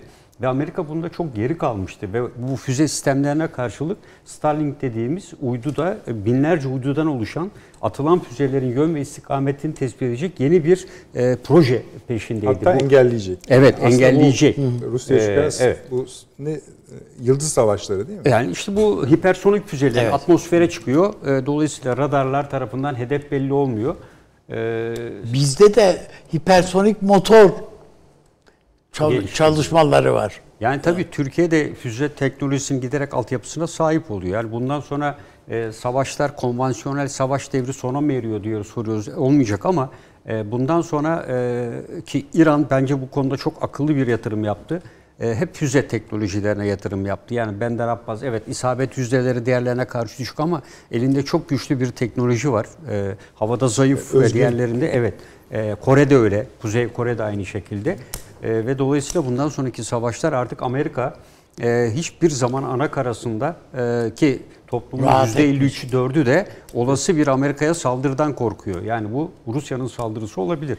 Çünkü E, durduramayacaklar bu evet, silah. Bu e, silah gücü. evet, durduramayacak. İran'ın problemi parça yok. Evet. Şimdi biliyorsunuz bu Motoru şeyi nasıl yapacağını biliyor ama Ambargo bitmişti. malzeme Ama. Ambargo bitti ama Pompeo dün açıklama Tabii yaptı. E, dedi ki kim zaten- e, İran'a silah satarsa karşısında bizi Karşısında- bulur yaptırım yap, uygularız dedi hemen. Onlar şey işletiriz de dedi. demişti. Mesela S-400'leri test ederseniz de çok ağır sonuçlar olur demişti. E, Şimdi testin yapılıp yapılmadığından emin değiliz diyorlar. Reuters'ın görüntülerine dayanarak Türkiye resmi bir açıklama yapmadı. Yapana kadar herhangi bir şeyde bulunmayacağız diyorlar. Yani e, bu konuda. Yani koskoca Amerika Birleşik Devletleri Karadeniz kıyısından ateşlenen S-400 füzesini göremiyor mu? Ya onlara ya gönderilseydi? zaten e, görüp görmemesi önemli değil. Yani böyle bir şeyin gündüz gözüyle intikal ettirilmesi. Paşam yutulacak şey var, yutulmayacak Evet şey var. evet yani bu Yani görmüyorum e, diyor. Evet yani bir kere e, füzeyi taşıyan araçların intikal ettirilmesi, orada atış düzeninin alınması, kalibrasyon ayarlarının yapılması, Bu hedef Sadece bu o- testi yaptıysa aktif Paşam hale de bu- gelmiş demek. Zaten aktif hale Ermenistan'da bizim bu İHA'ların tespiti Ermenistan'daki çok gelişmiş füze sistemlerini fotoğraflarını yayınladılar. Demek ki oralara bunları O göndermişler. füzeler bunları vuramıyor ama. Yani bunlar Evet. aynı şey işte e, Libya'daki olay gibi veya Afrin Tabii, e, diğer evet. e, Zeytin Dalı harekatındaki gibi. Yani o tür sistemler bu İHA'ların çevikliklerine ve diğerlerine karşılık veremiyor. Çünkü alçak irtifadan uçan e, uçaklara karşı veya orta irtifa uçaklara karşı yapılmış olan sistemler. E, şimdi bu e, tabii askeri Avni açıdan... Bey'e uymayın. Konuyu kay- şey, şey yapmaya çalışıyor. Ee, şimdi ben e, olayı e, önce şu açıdan ele almak istiyorum. Önce bir siyasi açıdan girip Bir sahayı anlatmak istemez misiniz önce? Hepsini konuşun. yok Problem e, değil. sağ, sağda e, bir kere Azerbaycan'ın Bir haritayı da verelim arkadaşlar. e, Paşam evet, konuş. yani e, Azerbaycan'ın e, harekatı biz klasik bir ifade vardır. E, planlandığı şekilde devam ediyor. Ben burada Ermenistan e, silahlı kuvvetlerin veya milli güvenlik sisteminin Hocam e, şu Azerbaycan paşam, e, evet. koyu kısımlar Evet, yeni alınan. Yeni alınan yerler. Yeşil daha Ee, önce alınmıştı İşte biraz zaten. evvel de daha ona bağlı tabii burada çok sayıda köy var. Yani köylerin ele geçirilmesi de son derece önemli. Yani büyük yerleşim yerleri ele tam anlamıyla ele geçirilmese bile mesela Fuzuli çoktan e, ele geçirildi. Bunun dışında mesela bugün Kelbecer'e bağlı birkaç köyde arada kalmasına rağmen ele geçirildiği Altta ifade da ediyor. büyük bir parça var. Adam aynı şekilde. az görünüyor E, tabii burada ama- dediğim gibi yani ilginç olan e, hani sizle de konuşmuştuk. Adam Adam'a yönelik bir harekat yok gibi gözüküyor. Bir anda E, kapanacak ama gibi. kuşatılıyor. Bakın Evet. doğudan ve batıdan kuşatılıyor. E, adamın özellikli yapısıyla e, kuzey ve güney taraftan kuşatma tamamlandığı anda ortadaki zaten e, o e, şeylerin yerleşim yerleri otomatikman e, kuşatma e, şey e, çerçevelen çevrelenmiş olacak ve onun ortasına kalacak. O takdirde imha edilmesi ve kontrol altına alınması daha kolay olacak. E, Burada tabii e, Azerbaycan bölgenin adı üstüne dediğimiz gibi hep Dağlı Karabağ olması gibi e, nedeniyle bizim bir nevi Güneydoğu arazisi gibi çok dalgalı bir arazi. E, tabii bunun en büyük şeyi e, Azerbaycan bu toprakları iyi tanıyor ama o askerler 30 yıl aradan geçtikten sonra aynı topraklara 30 yıl sonra giriyorlar. Yani e, şu anda binbaşı yarbay rütbesinde bir sürü rütbede olanlar o topraklarda e, belki do- yeni doğanlar e, kaçkın hale gelip 30 yıl sonra. E, burada Azerbaycan Silahlı Kuvvetleri açısından tabii uydularla ve istihbarat sistemleriyle toprak ve araziyi tanıyor. Mutlaka ajanlar vesaire gibi yerlerden de bilgiler alınıyordu ama hiçbir bilgi e, o toprağa ayak basarak tanımak kadar olmaz. E, bu yüzden e, önce tabii bölge halkıyla da 30 yıldır bir uzaklaşma var. Her ne kadar Azerbaycan vatandaşı olsalar da hem bölgeyi hem bölge insanını tanıyarak sivil asker ayrımı yaparak ve Ermenistan'ın düştüğü pozisyona düşmeden orantılılık ve gereklilik yani silahlı çatışma okunun çok önemli iki prensibi vardır. Bu prensiplere riayet ederek ilerlediğini görüyoruz. Burada ekranda yine yer alıyor. Ee, Ermenistan Silahlı Kuvvetleri'nin de e, çok sayıda silah, mühimmat ve malzemeyi bırakarak çekildiğini görüyoruz. E, bu e, esasında Ermenistan açısından da şu an Azerbaycan harekatı bence sahada olumsuz yönde yansıyor. Çünkü Ermenistan buraları tahkim ve işgal ettiği için yerleri belli. Yani e, işgal ettiği bölgeler, orada ne cins silah sisteminin olduğu, ne kadar asker olduğu bunların hepsi İHA'larla ve istihbarat sistemlerle tespit edilmiş durumda. Dağlık Karabağ gibi bir bölgede sürekli hareket halinde olan, sabit olana göre daima avantajlıdır. E, bunu e, Güneydoğu Anadolu'da PKK'nın 2010 yılı e, kıra dayalı savaş stratejisini şehirlere dayalı savaş stratejisiyle yer değiştirmesinin en büyük nedeni de buydu. Artık kırda Türk Silahlı Kuvvetleri'nin sürekli dinamik ve hareket olması nedeniyle baş edemez hale geldik. O yüzden şehirlere iniyoruz açıklamasıyla strateji değişikliğine gitmişti. E, burada da çok sayıda köyün ve yerleşim yerinin olması e, Ermenistan e, gücünün veya Dağlık Karabağ yerel unsurlarının mevzilendiği yerlerin çok net bir şekilde belirlenmesini, o yüzden füze veya teknoloji veya İHA'larla nokta atışları yapmasına imkan tanıyor. de- Arkadaşlar haritayı yine alalım biz. E, bu hani ba- bahis ettik ya eski Cumhurbaşkanı danışmanının Ali'nin hani Evet. bize bir temiz 12-15 günümüz olsa e, bu mesele hallolur sahada açıklaması bu haritaya uygun mu sizce? E, Bence e, tabii şöyle e, harekat başlangıçta yavaş hızla ilerler. Evet. Ama e, biz buna belli bir nokta gelir doruk noktası deriz. Yani doruk noktası taarruz edenin moral ve maneviyetinin en üst düzeye çıktığı, buna karşılık karşı tarafın e, dağılma sürecine girdiği, e, gerekli desteği alamadığı veya askerin birlik ve bütünlüğünün, emir komuta birliğinin ortadan kalktığı bir süreci ifade eder. Bu süreçte Bir işte anda- resimde gördüğümüz gibi yer yer silah ve malzemesini aracını bırakarak geri çekilme e, söz konusu olabilir. E, bu taktiksel olsaydı bu geri çekilme, örneğin bir kısım şeyde diyorlar ki efendim bu silahların gereçlerini bırakarak çekilme olmaz. E, bu tamamen e, başıbozukluktur. Evet. Daha E, korkarak- bozgun. Tabii bozgundur. Ya, tam anlamıyla şu an Ermenistan ordusu bu durumda. E, tabii bu e, bence e, burada önemli sol tarafta bu haritayı bir kez daha koyabilirler mi? E, orada e, bu sol tarafta Nahçıvan bölgesiyle birleşme e, bence çok önemli. O birleşim olduğu takdirde e, esas Azerbaycan'la Nahçıvan'ın birleşmesi sağlanacak. E, dolayısıyla bu bölgeye destek sağlayacak orada yeterli Ermenistan gücü yok e, o koridor arasında ve o koridor adım adım ilerliyor. Yani e, Nahçıvan'la e, bir şekilde ileride birleşme söz konusu olabilir. Bu zor olsa da. E, çünkü e, bunu Rusya da engellemeye çalışacaktır. Tabii. E, ama e, zor bir şey de olsa e, Batı tarafın biraz daha hızlı hareket ettiğini yani Güney'in daha hızlı hareket ettiğini görüyoruz. Bu iki şeyi sağlayacaktır. Yani e, bir Nahçıvan'la olan e, birleşmeyi sağlayacaktır. İkincisi de İran'ın e, bu bölge üzerinde e, hakimiyetini kaybetmesine e, yol açabilecektir. O açıdan önemli. E, ben dediğim gibi Ağdam ve diğer bölgeleri e, çok fazla niye oralara yüklenilmiyor e, bir fazla bir anlam e, atfetmiyorum. Ben de. Dediğim gibi iki taraflı bir kuşatma harekatı devam ederek zaten bu belli bir süre sonra hızlanacağını ben değerlendiriyorum. Dediğim gibi çünkü e, Güneydeki hızlı ilerlemenin ilk nedeni olarak İran rabıtasının kesilmesi daha çok söylendi. Evet. Ama Nahçıvan'a bir şekilde ulaşılması belki de o sizin dediğiniz doruk noktası anlamına geliyor. tabii yani e, Nahçıvan'a e, Ne olur komutanım o zaman bu işin sonucu sizce? E tabii yani bu e, şöyle Nahçıvan'a ben Orada geçen soru işaretleri geçen programda demiştim. Yani Nahçıvan'a saldırabilirler. Nitekim e, ondan sonra da oraya da saldırı düzenlendi. Yani Türkiye'nin buraya garantörlük hakkı var. E, bu bölge e, için müdahale. gel gel gibiydi Evet yani Türkiye'ye gel gel gel garantörlük hakkını e, yap bakalım, uygula bakalım demeye getirdi. E, tabii yani bu e, Nahçıvan'la e, birleşmesi e, Dağlık Karabağ üzerinden hakkı mıdır? Evet hakkıdır. Yani bunu birleşebilir ama Ermenistan toprakları da var tabii e, ara bölgede. Yani oraya geldiği zaman e, sorun oluşur. E, ama e, bu tabii ilerideki süreç içinde İran'la yapılacak bir takım mesela Atatürk nasıl oradan bir toprak alarak e, Türk kapısı denilen e, sınırda Ermenistan e, şey İran üzerinden bir parça toprak satın alınarak Nahçıvan'la e, sınır komşuluğu e, sağlanmıştır. Evet. E, bunda da benzeri şeyler ileride bir takım toprak değişiklikleri yapılarak e, gerçekleştirebilir. Yani Stalin Saha bu. Sağ bu. Şimdi Bence sizin- e, esas olarak e, burada 2018 yılında Paşinyan seçildikten sonra Lavrov buraya geldiğinde iki cümle ifade ediyor. Bir, Dağlık Karabağ halkının e, uygun diyeceği, demeyeceği hiçbir şeye ne biz ne Ermenistan evet der. İki, Ermenistan da Dağlık Karabağ halkının evet dediği, demeyeceği hiçbir şeye evet demez gibi iki açıklama yaptı. Bunun arkasından Paşinyan iktidara geldikten sonra e, en çok mücadeleyi yargı sistemiyle verdi.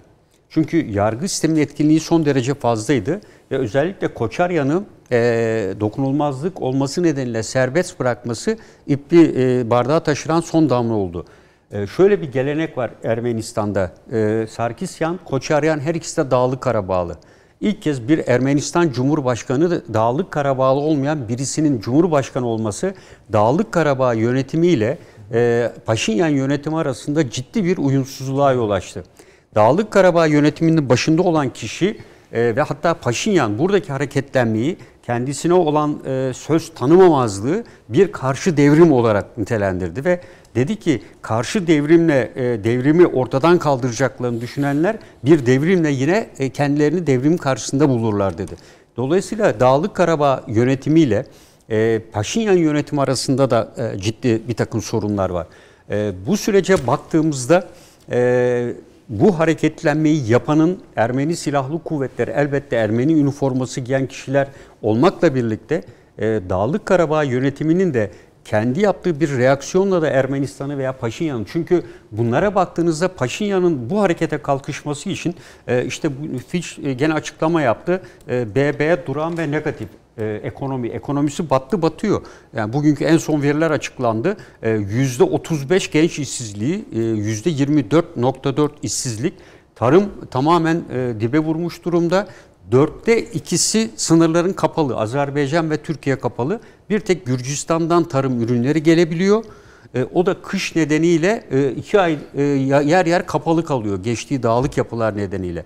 Buna baktığımızda bir tek hizmet sektöründen gelir sağlıyor. Turizmden pandemi nedeniyle yedi. İkincisi kumardan yani Rus turistlerin getirdiği kumar geliri var. Son yıllarda işte madenciliğe yatırım yaparak madenden biraz para kazanmaya çalışıyorlar ama onu da en çok Rus şirketleri alıyor yiyor. Dolayısıyla ekonomik anlamda tam anlamıyla dibe vurmuş durumda.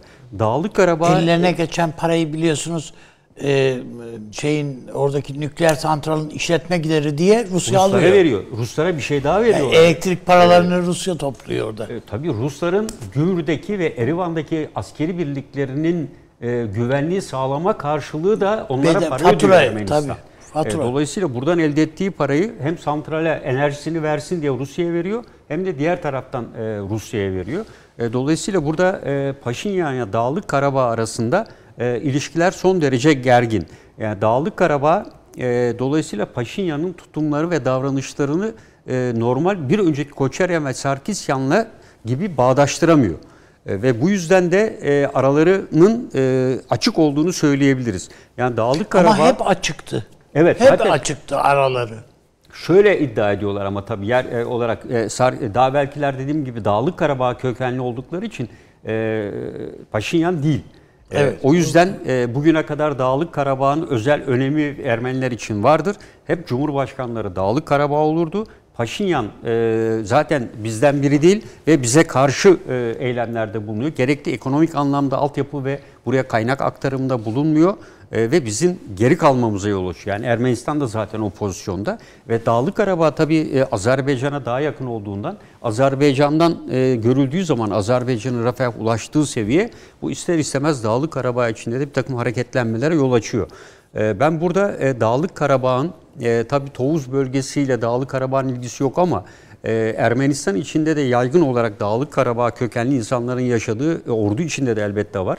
E, ve e, bu e, hareketler içerisinde e, Paşinyan'ın iktidardan devrilmesi için Rus destekli olarak da yapılmış olma ihtimali de var. Çünkü Ermenistan ordusu Tovuz'a saldırının mı? Tovuz'a saldırının da ve akabinde e, çünkü burada baktığınızda bir e, ordunun e, bir e, harekattan bir niyetinin olması lazım. Bir niyet. Buradaki Ermenistan'ın niyeti 2-3 tane mermi atarak ateşkesi bozmak mı? Azerbaycan'ı e, dünya kamuoyunda kötü duruma düşürmek mi? Böyle bir niyetle 2-3 tane mermi atarak bunlar sağlanmaz. Yıllardır bunu yapıyor. E, gene oldu bittiyle işler geliyor. Buradaki hedefinin ben daha fazla ve daha büyük olduğunu düşünüyorum açıkçası. Hep bunu da ifade ettim. Tarif Eğer edin. bunda çıkış yolu olsaydı ben e, merkezin e, belki Bakü dahil olabileceğini de değerlendiriyorum. Yani e, Bakü elbette girilmesi oldukça güçtür ama e, örneğin Gence veya Tovuz hattı e, çünkü bunlar petrol boru hatlarının ve diğerlerinin geçtiği hatlardı. Bu yoklamalar sonucunda eğer Azerbaycan Silahlı Kuvvetleri'nin gerekli direnişi göstermeyip derhal karşılık vermeseydi e, ileriki süreçte belki Rusya'nın da desteğiyle e, bu sonuç gerçekleşebilirdi diye düşünüyorum. Çünkü Ermenistan yeraltı kaynaklarından yoksun durumda, tamamen izole olmuş durumda e, ve e, ekonomisinin neredeyse dörtte ikisini Rusya ile e, ihracat ve ihrata, ithalatını onlarla yapıyor. Ciddi bir tarım ürünü yetersizliği var. Sanayi sıfır. E, tek geliri dediğim gibi hizmet sektöründen. Yani e, çatışmaların hepsini birden başlatan Eylül'de herhalde değil mi? Evet, evet. E, Tovuz'a saldırının esasında karşılık bulmasaydı bu şekilde Evet, evet, evet. e, Azerbaycan'ın ya da Belki de Tovuz'u ele geçirme söz konusu olabilirdi. Yani Tovuz çok yakın. Arkasından Mingeçevir barajına Bunlar hesap etmemişler midir? Yani Azerbaycan'ın bu kadar silahlandığını, hazırlıklı olduğunu nasıl olur da yani? Görmemiş buna e, dünya ordularının hepsinde var. Yani güç yanılsaması diyoruz biz buna. Yani fayda maliyet analizi yaptığınız zaman sayısal rakamlar üzerinden yaptığınızda diğer taraftan geçen 30 yıl içinde ulaşılan seviyeyle kendi seviyelerinin ve kendileri tabii istihbari bilgi değişimlerinin aynı olmadığı görülüyor. Dünya e, harp tarihi bunun sayısı örneklerle dolu. Ee, Azerbaycan Silahlı Kuvvetleri tabii yakından da tanıyan birisi olarak Azerbaycan gerçekten güçlendi. Bir öncekiler gibi davranmadı. Bu sefer siyasi liderlik de güçlü bir irade ortaya koydu ve Türkiye'de güçlü bir irade ortaya koydu. Ve bu yüzden de e, harekat bu şekilde hızlı bir şekilde gerçekleşti. Yani Ermenistan Azerbaycan'ın e, ulaştığı seviyeyi esasında insan sava araçlarıyla birlikte Türkiye'nin uyguladığı taktiği tam anlamıyla uygulayabileceğinden pek emin olmadı. E, klasik bir konvansiyonel harekat şekliyle Ermenistan e, harekata başladı esasında.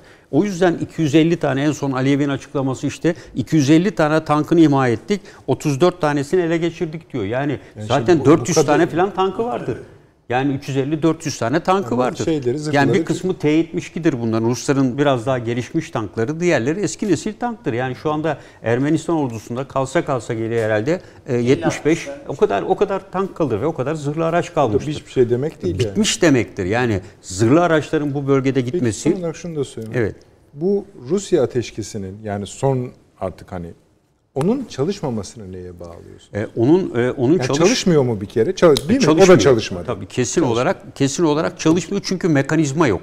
Ateşkes sadece lafta kaldı. Önceki de ve sonraki de. Peki orada e, karşınızda hem Azerbaycan hem Ermenistan'ın en üstü yetkilileri var.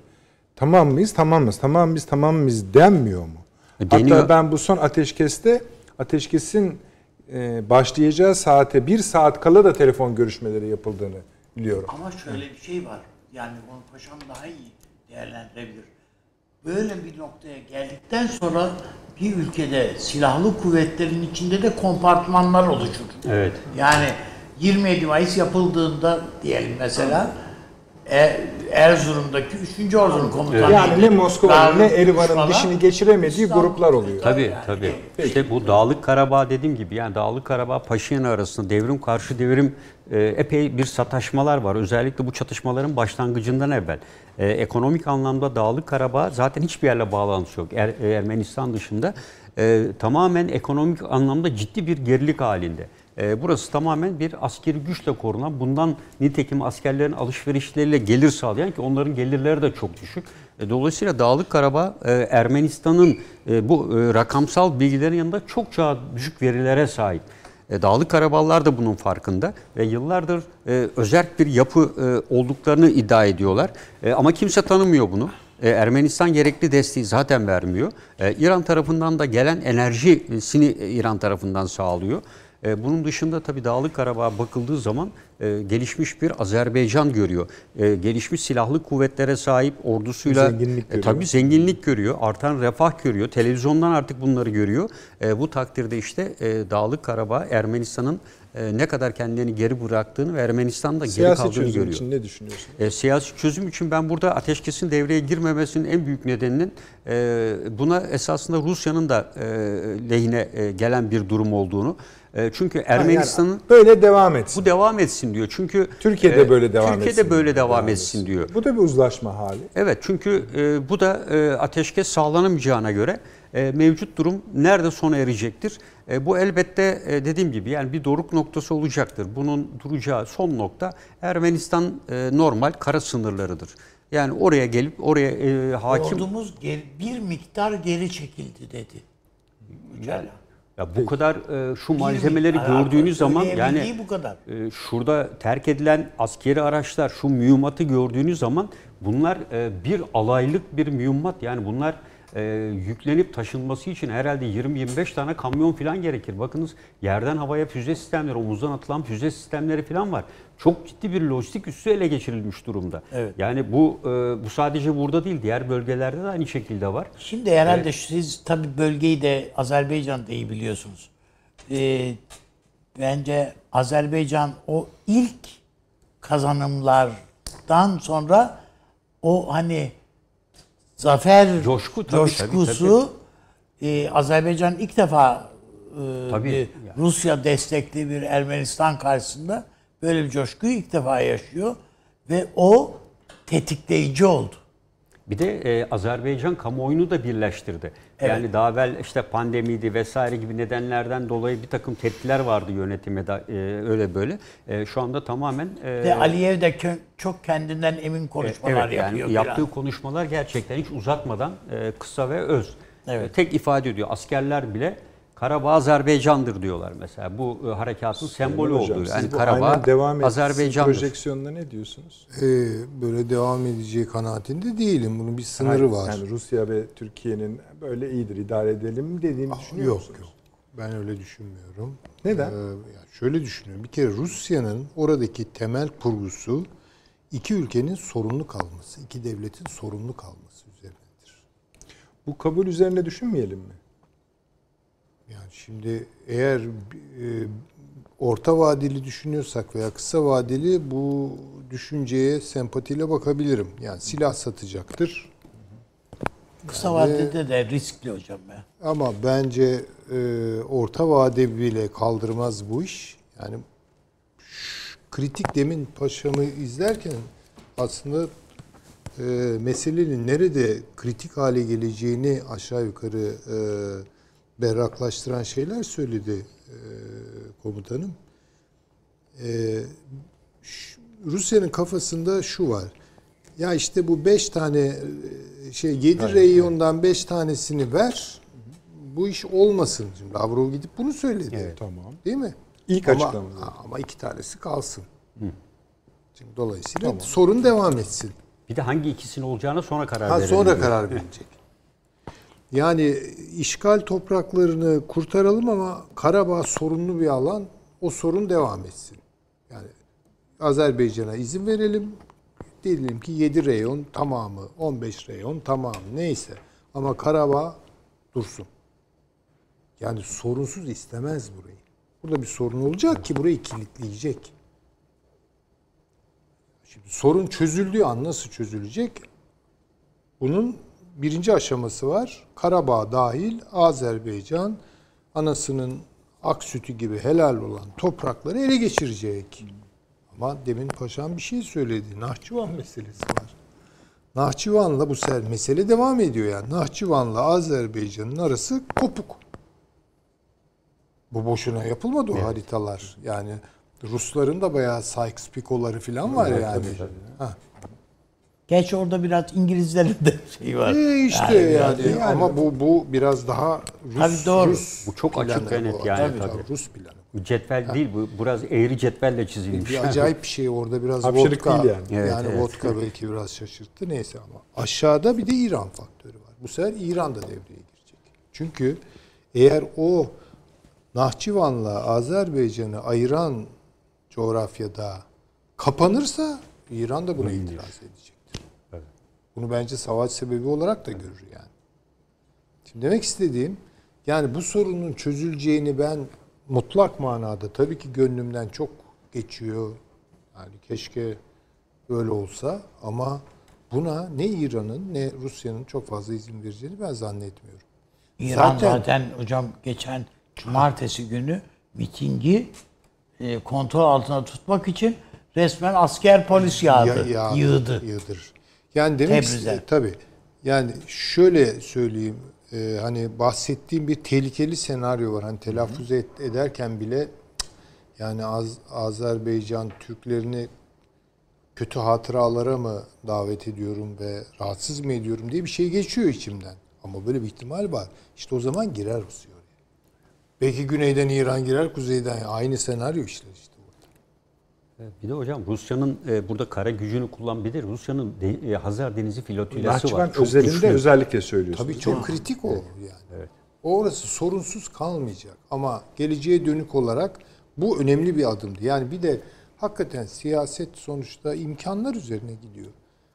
İmkanları maksimize etme sanatıdır. İşte bu bunun en yani böyle bir işte Aliyev'in de zaten bence o soğukkanlılığı o.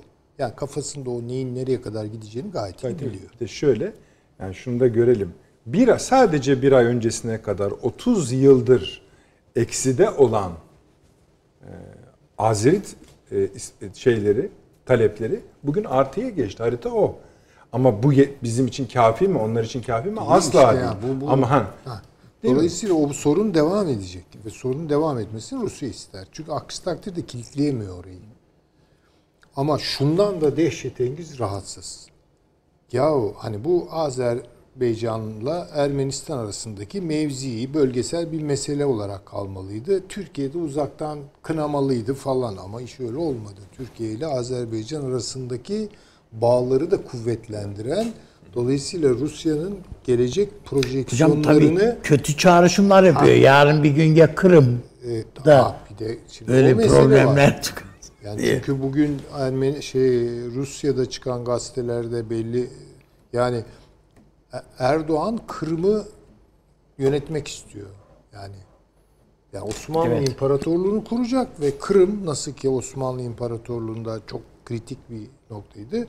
Orayı şimdi yönetiyor. Yani Ukrayna e, devlet başkanını Erdoğan'ın muhtemedi gibi değerlendiren yazılar çıkıyor yani.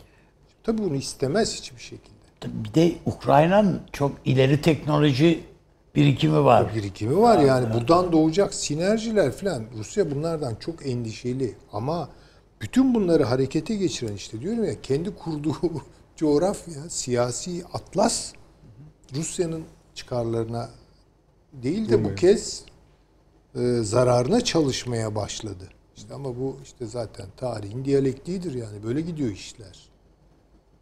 Bu işler böyle gidiyor. Onun için Türkiye çok rahat ve kararlı. Yani yani şimdi tam böyle Lavrov bu açıklamaları yapıyor. Yani önce gazetede yazılıyor, sonra Lavrov konuşuyor, sonra Putin aç telefonda Erdoğan'a diyor ki ya ne oluyor yani filan. Bir sürü şey konuşuluyor. Şikayetlerde bulunuyor Erdoğan'a. Ama aynı günlerde Yani mesela bu konuşmanın yani Sayın Cumhurbaşkanı ile e, Putin arasındaki konuşmanın e, Rus yani Kremlin duyuruyor bu açıklamaları. Bizim Cumhurbaşkanlığı sitesindeki gibi ya da iletişim daire. E, metin ne kadar biliyor musunuz? Hatta arada bulalım da o metni gösterelim yani. Tek satır. tabii. Tek satır. Ama Ruslarda genelde şöyle mesela Böyle bayağı yaparlar. şöyle ben bir şey de bir Çin olsa, Rusya eskiden olsa yani, gösterip tarihi- sayfalarca.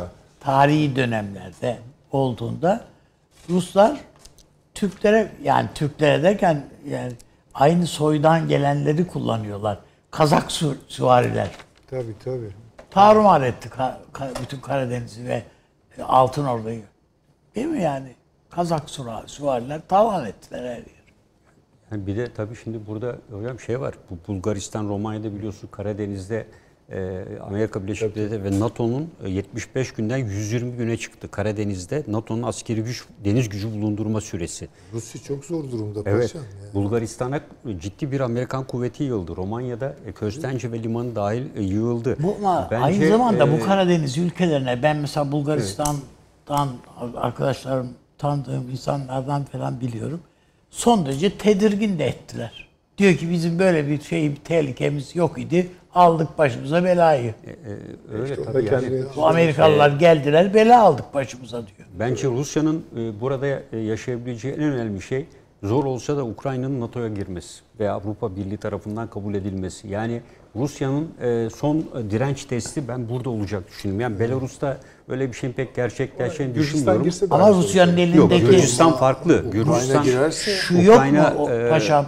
Rusya'nın elinde kullanabileceği tek kart var. O da Türkiye. Hah, Evet. işte bütün bunlar ya. Ha, Kaçmaz o işte. Yani Ama arkadaş şimdi bunu sinem. Şimdi ben bir- bunu bunu önemsiyorum yani. Ee, ben izledim o filmi.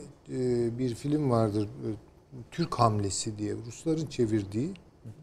Bu şeyi anlatan. Osmanlı-Rus savaşlarını falan anlatan. Yani orada Türkiye'yi nasıl resmediyor yani. Aman aman bir film değil. İşte bir tarihi film. Çok böyle basiretsiz, küçümseyen bir bakış var yani. Türklere bir yani oryantalist basitlemeler üzerinden filan bakılıyor. Şimdi Rusya'nın kafasındaki hasta adam lafını eden bunlar yani. Rus çare etti bu lafı. Çünkü böyle tanıdılar. Böyle tanıdılar. e, Türkiye'yi. Şimdi bu yüzyılların birikimi kafalarında Türkiye ile biz e, stratejik ortak değiliz. Ya bunu gösteriyor. Yani hemen bir tepki veriyor oraya. Yani bazı işlerde işbirliği Onu yapıyoruz. Ermenistan'a söylüyor gibi daha çok. Ama bence e, işte Yok. bu- ve bu- ve bu- bunda bu Lavrov bayağı- özelini bir düşünün.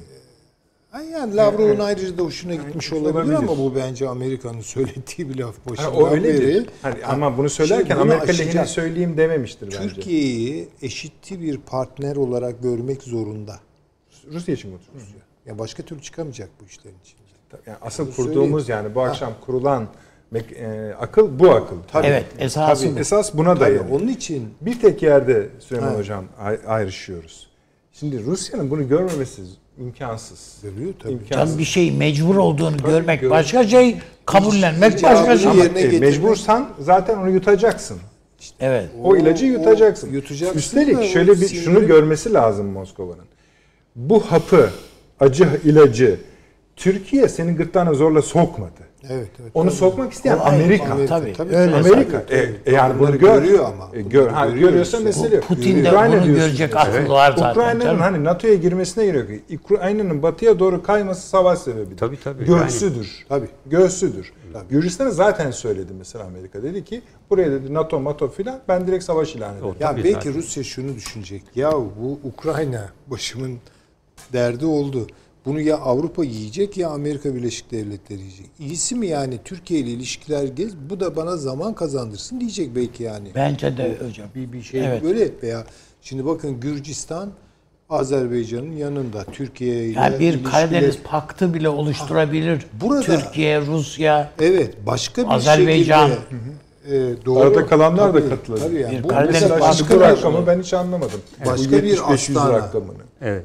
Değil mi hocam? Yani, Yani böyle bir şey olabilir. yani. Yani bu Ha, 75 ka- günden e, yüzüne çıkıyoruz evet, ya. 120 günde. Şimdi bu Yani- neye göre yapıyorlar bunu? E, bu tehdide göre yapıyorlar. Nereden geçmeyi düşünüyorlar Çünkü e, şöyle NATO kapsamında olanlarla ilgili olarak tatbikat vesaire gibi sayılarını arttırıyorlar. Tamam. Harekat planlarında değişiklik yapıyorlar. Özellikle Amerika'nın buraya getirdiği hani belli sürelerle kalış süresi Tamam. var Karadeniz'de. O kadar süreyle gemileri buraya getiriyorlar. Geliyor. E, gerek Bulgaristan e, gerekse Burgaz'da ve e, Köstence limanlarında e, kalıyorlar. Ortak tatbikatlar yapıyorlar. Kıyı savunma veya sahil güvenlikle ilgili görev ifa Tamam. ediyorlar.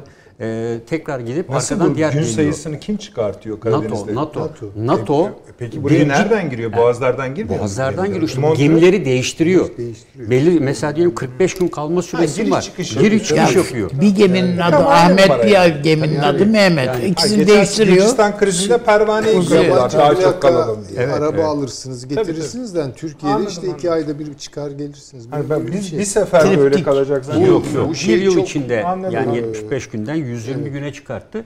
Bu da çünkü en son yapılan NATO toplantısında biliyorsun birinci tehdit Rusya olarak belirlenmişti.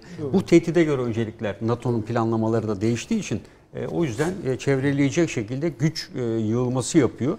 Yani- E, biraz evvel dedim tabi Hazar filotilası Rusya'nın çok güçlü. Biliyorsun buradan evet. bir füze atarak da Suriye'de vurduğunu ispatlamıştı. Evet.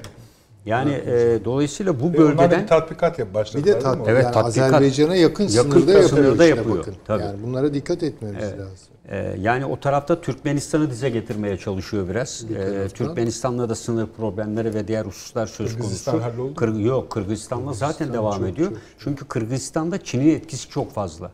Yani Çin e, giderek oraya hakim olmak üzere çok ciddi yatırımlar yaptı. Taciklerde de aynı şekilde. Orada da Çin'in etkisi çok fazla. Bu çıkan iç kay- kargaşalıkları Yani biz esasında şu, e, pro- program başlangıcında Süleyman Hoca dedi ya yani m, bu şu noktaya kadar biz zaten Kıbrıs bizim için so- sonucu önemli. Ama şimdiden sonra daha da önem kazanacak uluslararası anlamda. Eğer orada Çin'e üs falan verebilirsek, evet, evet. o bağlantıları iyi kurarsak, e, Süleyman Hoca çünkü. Bulgaristan'da Yani Yok, yok, bu böyle yapılır. Bulgaristan'da, Böyle Romanya'da filan bu Amerikan ordusuna hafta sonu tatili verdikleri vakit insanların karnı doyuyor biliyorsunuz. Evet tabii tabii. Yani çünkü para yok, pul yok Romanya'da, Bu- Bulgaristan'da, Burgaz'ın insanlarda. ufacık bir yer bir çıktıkları anda zaten veya Köstence'de Evet. Ee, bütün oradan bir saat sürüyor Bükreş zaten Evet. bir saat bile değil.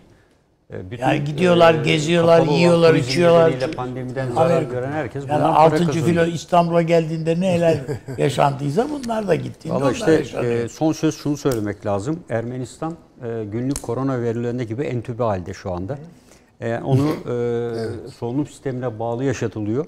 E, bu havayı e, Rusya e, dediğim gibi her an e, Bu kesebilir. Kırgızistan, Tacikistan'a değiniriz. Onlar yani çok aslında yakın ülkeler Evet, stratejinin bir parçası. Mesela bu hafta e, Rusya, Kazakistan'la olan tam da bu konularla ilgili olduğunu düşünüyorum. Ortak savunma anlaşmasını yeniledi. Tabii. tabii tabii. Aslında pekiştiriyor. O da saflarını çalışıyor. Sağlamlaştırıyor. Yani Rusya, Lavrov'un bir de şöyle iddiası var. Azerbaycan'a hiç biz öneriyoruz. Kolektif güvenlik anlaşmasının içine gel gir. Ee, Ermenistan'la olan Dağlık Karabağ burada daha rahat çözülür. Ha, bu sorun tabii, diyor. evet. Yani evet biz bunu defalarca diyor Azerbaycan'a önerdik diyor. Ee, evet. Yalnız bir şey var hani eğer izin verirseniz küçük bir şey söyleyeyim. Buyurun. Bu üs verme Çin'e falan tabii yani çünkü Türkiye'de kuvvetli kartlar çekiyor. Mesela bakın bu Kanal İstanbul Rusya'ya gösterilmiş bir karttır. Başından öyle, beri söylüyorum. öyle, öyle. Yani ekonomik e, şeylerini bilemem. Ee, Getirileri, götürleri falan filan. Ama muhalefetin ayakta kalk, ayağa kalkması biraz boşunaydı o Biraz dönemde. evet yani çünkü o bak böyle gidersen yani bana karşı bu, bu- bunu yaparım. Ee, a- şeye ise Amerika Birleşik Devletleri'nin mesne karşı da işte mesela Çin kartını belki bundan sonra Türkiye daha fazla kullanabilir, gösterecek ama daha fazla da risk alacak onu söyleyeyim. Çünkü Ama ama, yükselen güç zaten böyle bir şey. şimdi Çin'i bir sürü yerde kesiyorlar. Bakın yani bu bu konusundaki Panama'dan genel bile geçirmiyorlar. Evet, kesiyorlar. eğer Bakın bu İsrail- Rusya'yla eğer dediğimiz gibi bir yakın duruş olursa bu Libya'da da etkisini E, gösterir. tabii o yansır. Nasıl yansır bilmiyorum ama oralara yansır. Yalnız şu İsrail e, bu Pompeo'nun İsrail ziyareti yani bu liman Çin'e verilecek bilmem ne meselesi çok şiddetli tepki gösterdi Amerika ve geri aldırdı. Unutmayalım yani. Peki. Sıçrayacak başka yerlere biraz burada kalalım. Ama önce bir kısa ara verelim. Efendim e, siz de biraz dinlenin. Hızlı gittik. Çok fazla konuya değindik. Ama biraz yer- yerine sütunlarına bağlandığını düşünüyorum. E, ne kadar çok tartışılsa tartışılsın. Bu konu biraz böyle bir konu. Hemen döneceğiz efendim. Bir dakika reklam arası. Haberin sosyal medyası gzt.com sizi çok farklı bir okuyucu deneyimine davet ediyor. Merak ettiğiniz sorular yanıt buluyor, henüz duymadığınız şaşırtıcı konularsa karşınıza geliyor. Yorumlarınıza editörler cevap veriyor, arkadaşlarınızla paylaşmak isteyeceğiniz eğlenceli içerikler hazırlanıyor. Sizler için kamera karşısına geçiliyor ve olaylar sıkmadan ve anlaşılır şekilde anlatılıyor. Özel infografikler, videoların yanı sıra burada sayamayacağımız sayıda farklı dergiler. Şimdi telefon ekranınızı daha da anlamlandırmak için sizi davet ediyoruz. GZT uygulamasına iOS ve Android marketlerden kolaylıkla erişebilir, pişman olmazsınız. Mutlaka indirin. Reklam arası sona erdi. Akıl Odası devam ediyor efendim. Bu bahis tamam mıdır? Eksik bir şeyin kaldığını düşünüyor musunuz paşam? Peki. Evet, geçelim. İki, birbirinin içinde iki konu yedirerek gidelim. Birisi Amerika Birleşik Devletleri'ndeki seçimler meselesi.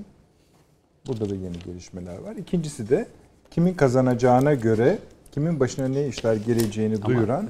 İşte bu bir şey mi söyleyecektiniz? Biraz İdlib'i bağlamamız gerekiyor yani demiştik. Buyurun bağlayalım o Yani zaman. şöyle tabii ben e, yani e, bu bu arada e, İdlib'in e, giderek hareketlendiğini görüyoruz. Yani bölgede e, özellikle Amerika Birleşik Devletleri'nin işte Esad'la olan görüşmesi, e, burada Rusya'nın e, Moskova'ya davet ederek e, PKK, PYD temsilcileri ve Kuzey e, Irak ENKS ile birlikte PKK'yı barıştırma istemleri, bir araya getirme çalışmaları, e, buradaki Arap aşiretlerle Kürtler e, arasındaki e, açılma, mesafenin giderek açılması. E, dolayısıyla Amerika Birleşik Devletleri muhtemeldir ki seçim sonrası e, kim kazanırsa kazansın e, burada sadece Fırat'ın doğusuyla değil Suriye'nin bütünüyle uğraştığı gibi bir hava çıkıyor. Hatta Daha çok uğraşacağı gibi. uğraşacağı. Hatta Fransızların 1922'li yıllarda burada Suriye devleti kurduğu zaman yani Şam devleti, Halep devleti bir de Nusayrilerden oluşan bir Alevi devleti var. Buna benzer bir yapılanmanın e, tekrar oluşması konusunda e, Suriye medyasında da bir takım e, haberlerin yer aldığı görülüyor. Yani 1920'li yıllara tekrar geri dönüş mü şeklinde bir düşünce var. E, ve bunu Rusya'nın da bu bence işine geldiğini düşünüyorum. E, Burada işine gelmeyecek tek bir ülke var İran. E, tabii Amerika'nın devreye daha fazla aktif girmesi. E, Rusya da e, esasında buna bence bir yerde olur diyecektir. Çünkü o kazanımlarını muhafaza etmek isteyecektir. Yani daha fazla Suriye içinde e, e, bu angaja olmak istemeyecektir. Çünkü ağırlığı ve gücü başka tarafa kaydırmak istiyor. Bu yüzden de Rusya'nın e, Hmeymim hava üssüyle ve Laskiye Tartus'la yetineceğini ben değerlendiriyorum. Çünkü yeraltı kaynaklarının birçoğunda işletme hakkını 50 yıllığına aldı. Münasır ekonomik bölgede petrol işletme hakkını 50 yıllığına aldı. E, Yani Suriye'nin bütün hemen hemen e, biraz az olan petrol dışındaki e, bütün geleceğe yönelik her türlü gelirini e, şimdiden ipotek altına almış oldu Rusya. Ee, Bundan sonra da Rusya'nın daha güneye Gut- Guta'ya veya Şam'a inerek bir kazanım elde etmesi zaten mümkün değil. Ee, Mevcut olan şartlarda belki Amerika ile de bir mutabakat e, burada sağlanabilir mi? Zor olsa da olabilir gibi e, düşünüyorum açıkçası. İdlib'deki sıcak şey nedir yani? E, İdlib'de e, buradaki Türkiye gözlem noktalarını e, terk edin diyerek e, Esed rejimi sürekli olarak Rusya üzerinden Türkiye'ye Şu anda baskı- neden daha çok bu durum? E, şimdi bu, bu bölgede biliyorsun Türkiye ile Rusya arasındaki devriye Aslında faaliyetleri de harekat bir harekat mı öngörü? Yani Bizden ziyade bir harekatın yapılması özellikle Esad'ın güneyden e, buraya e, kuvvet getirdiği bir, biz buradaki bir şey, biz bir şey. biz de getirdik. Yani biz de getirdik. Bizim Gözlem yeni operasyonumuz bir söz kısmı konusu olabilir mi? birleşti. E, Bizim e, harekat icra edilmeden eğer tehdit olursa elbette olabilir ama bu ben Medort Karayolu'nun güneyine çok fazla olabileceğini düşünmüyorum. e, o zaman e, Rusya aktif bir şekilde sahaya girebilir. Yani Türkiye'nin burada temel mantığı İdlib'den Türkiye sınırına olan bir göç hareketinin engellenmesi. Ama Rusya da burada bu terör örgütlüğü olarak adlandırılan kitlenin ortadan kaldırılmadığını, bu yönde ciddi çalışmalar yapılmadığını söyleyerek günlük maliyeti hakikaten çok yüksek Rusya'nın burada. E, ve bir an önce e, İdlib konusunun şu anda Suriye, e, Rusya'nın kontrolünde olan bölgede çözüme kavuşturulmayan tek bir bölge kaldı. O da İdlib bölgesi ve kuzeyi. E, bu yüzden e, Rusya bir an önce e, 2015'ten beri burada e, e, toplam 6 yıl olmak üzere neredeyse 5 bitiyor. E, bu sorunun bir an önce ve öncelikle ekonomik anlamda ve dikkatini daha farklı bölgelere e, kaydırmak için bu sorunun çözülmesini istiyor. Ben bununla birlikte Türkiye'nin özellikle M4 karayolu e, Fırat Kalkanı bölgesinde de bir e, harekat bunu daha evvel de söylüyorum. E, bu PKK-PYD'nin e, bir devletleşme sürecine e, burada müdahale etmekten başka bir şansı yok Türkiye'nin. E, bu bunun için de e, bir e, girişim söz konusu olabilir diye düşünüyorum. Bekliyorsun. E, Bekliyorum yani e, çünkü biz orada doğuda ve batıda dar bir alana sıkıştık. Bu bölgede Rusya ve Amerika hep söylüyoruz daha evvel Türkiye ile mutabakat muhtıralarının hiçbir şartını yerine getirmediler e, bu bölgede. E, Barış Pınar Harekatı sonrası. İki taraflı. İki taraflı evet yani Türkiye e, Yani Amerika'da Rusya'da gitti. Yani e, Rusya ile yaptığımızda da Rusya da getirmedi, Amerika da getirmedi. Amerika da getirmedi. Tabii ikisi de getirmedi. Yani bu hiçbir maddesi yerine getirilmedi. O yüzden PKK'nın her gün bakıyoruz işte Barış Pınarı bölgesine e, saldırı hazırlığında bulunan 3 terörist, 2 terörist burada saldırdı. E, Bunları her gün görüyoruz. Çünkü Doğu ve Batı'da ciddi geçişler var. E, Buralar kontrol altında değil. Yani Rusya tarafından kontrol edilmesi lazım normalde. Ama Rusya bunu ko- kontrol etmiyor. Dolayısıyla e, bu süreç Tehlikeli. içinde e, İdlib Sıcak e, bir sıcak dönem. bir bölge. Evet. Peki Avni. Şimdi paşam bıraktığı noktadan şey yapayım. Mesela bu Hatay'da yangın. Evet, çok tabii. ciddi bir o yangın var. Ve PKK'nın e, bir takibi var. Şimdi burada e, seyrettirsem televizyon şeyde cep telefonundan seyrettirsem herhalde suç olur. PKK'nın şarkılarla beslediği yani bir çakmağa bakın, bir kibrite bakın diye. Evet. Falan böyle besledikleri şeyler var. Çok ama çevreciydi ben öyle hatırlıyorum. İşte böyle ama çevreden anladıkları bu. kitaplar, kitaplar hatırlıyorsunuz. şeyler de vardı. Tabii, tabii. Demek Evet. değişiyorlar yani. Şimdi e, birincisi bu yani bu Hatay ve Şöyle sigara atmayın dedikleri yani kibrit var diyor. Ha şeye O gerek yanlış yok. anladınız. Ben özür dilerim. ondan sonra birincisi bu. İkincisi Amerika'nın siyasetinde Biden da kazansa Trump da kazansa fark etmeyecek. Burada bir PKK Evet. devleti oluşturma çabasının devam edeceği anlaşılıyor. Bu demektir ki Biden'a da bu konuda herhalde Pentagon falan veya şu bu CIA falan herhalde yeterli bilgiyi verdiler ki bu siyasetin şeyler adımları devam ediyor. Yani hele dur bakalım bizim başkan kim olacak da ondan sonra karar verelim filan demiyorlar yani.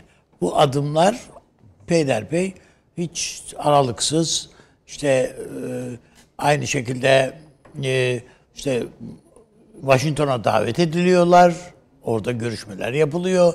Bütçeden yani 2021 bütçesinden paraya ayrılıyor bu işe bilmem ne falan yani bunlar oluyor. Demek ki kim gelirse gelsin biz bu işi yapacağız diye şey yapmışlar. Yani karar vermişler. Dolayısıyla Türkiye bana göre eğer e, bu İdlib'de biraz daha erken davranmaz ise daha zor durumda kalabilir. Çünkü emrivaki ile karşı karşıya kalabiliriz. Erken davranma. O yani harekat. Paşam dedi yani biz dar bir alanda sıkıştık dedi. Şimdi bize verilen söz işte 30 kilometre 40 kilometre derinlikli bir güvenlik şeridi ol- olacak idi. Hiçbirisi olmadı bunların. Aksine sınırımızın sadece Hatay diye söylemeyeyim. Sınırımızın birçok noktasından sızma oluyor Sızma var, zaten.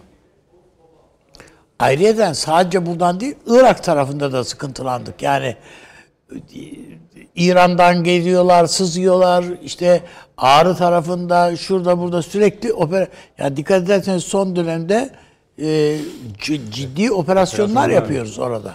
Yani e, bunların bir kısmından bir kısmında e, Amerikalıların istihbarat verdiği yani koordinatları verdiği Türk birliklerinin bulunduğu yerler, konumlarla ilgili falan söyleniyor. Ne kadar doğru bilmem. Bu belki yani e, şeydir e, işin tevatür tarafıdır ama E, sürpriz de Yani- sayılmaz öyle. Hayır yani Ge- geçmişten geçmişte beri veriyorlar yapıyordu. canım zaten veriyorlardı. Atılan Tabii. Amerikan malzemeleri Yani gördük tabii.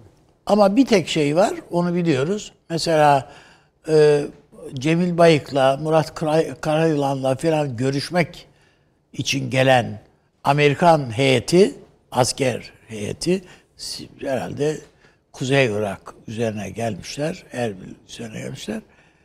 Görüşmemişler. Yani görüşememişler. Ne demek? Yani Karayılan falan görüşmemiş. Bunlarla. Şimdi bu güvenlik sebebiyle mi görüşmemişler, şu mu? Başka bir şey mi filan. Yani nedense onu bilemeyiz ama e, Türkiye'nin çok derin istihbarat alan anlamında çok derin nüfuz ettiği PKK katmanlarına e, bu, bu anlaşılıyor artık. Karanlıkta yapılan bir operasyondan da bahsetti Sayın İçişleri Bakanı biliyorsunuz. Tabii. O da çok ilginç bir operasyon, Evet. başarılı bir operasyon. Yani bu 17 hem orada hem sonra MIT'in gerçekleştirdiği bir takım e, sondajlar var. Bazen şöyle yani bunlar ne kadar doğru olur onu bilemem ama e, bir adamı yani baştaki bir hedefi öldürmek veya almak o kadar faydalı da olmayabilir yani. Bazen. Yani arkasından yerine gelecek adamın kim olacağını eğer şeyi yoksa, bir ölçüsü yoksa veya geliş onun davet edeceği risklerin daha farklı olacağını düşünmüyorsanız o zaman alabilirsiniz ama eğer bela geliyorum demez, arkadan bir başka bir şey gelirse onun hele davranış şeylerini Kalıpları. kalıplarını da bilmiyorsunuz. Öbürün devamlı karşınızda olduğu için onu işte karşısındaki PKK grubunun başındaki insanı paşam orada görev yaparken onu tanır yani nasıl ne karşısında nasıl tepki vereceğini filan. E burada da burada da öyledir. Yani PKK'nın yönetici kadrosunun hangi olay karşısında nasıl tepki vereceğini bizim silahlı kuvvetlerde e, Milli İstihbarat Teşkilatı da bilir yani o, o manada. İdlib özelinde söylediğiniz Ben mi? İdlib üzerinde de İdlib'in bir e, pimi çekilmiş bir bomba gibi şu anda olduğu kanaatindeyim ve Mandaldan bu öyle tutuluyor. Herkes Evet, elinde yani evet, herkes yani. elinde İdlib ondan dolaşıyor bayağıdır artık. söyleniyor. Acaba yani zamanlaması müsait midir? İşte yukarıda zamanlaması bu kadar- müsait olacak. Rusya açısından da öyle. Türkiye açısından da öyle. Ya Rusya'nın Belarus sorunu var, Ukrayna ile var, e, Kırım var, Karadeniz, Amerika burnunun dibinde aldı Karabağ vesaire gibi. Tabii. E, Libya dahil her yerde var ama Size ben bir şey biraz söyler erken Ha, buluyorsun. buluyorum konuşmayı. Yani bir şeyler söylemeyi. Ee, çok yeni bir şey de söyleyemeyeceğim doğrusu. Ee, ama Irak'ta merkezi hükümetle Kuzey Irak. Kuzey Irak'ın Irak kuzeyi. e, yönetiminin anlaşması e, burada yaşanabilecek bir takım hareketliliklerin ipucunu veriyor. Yani Türkiye bir kararlılık göstermek zorunda.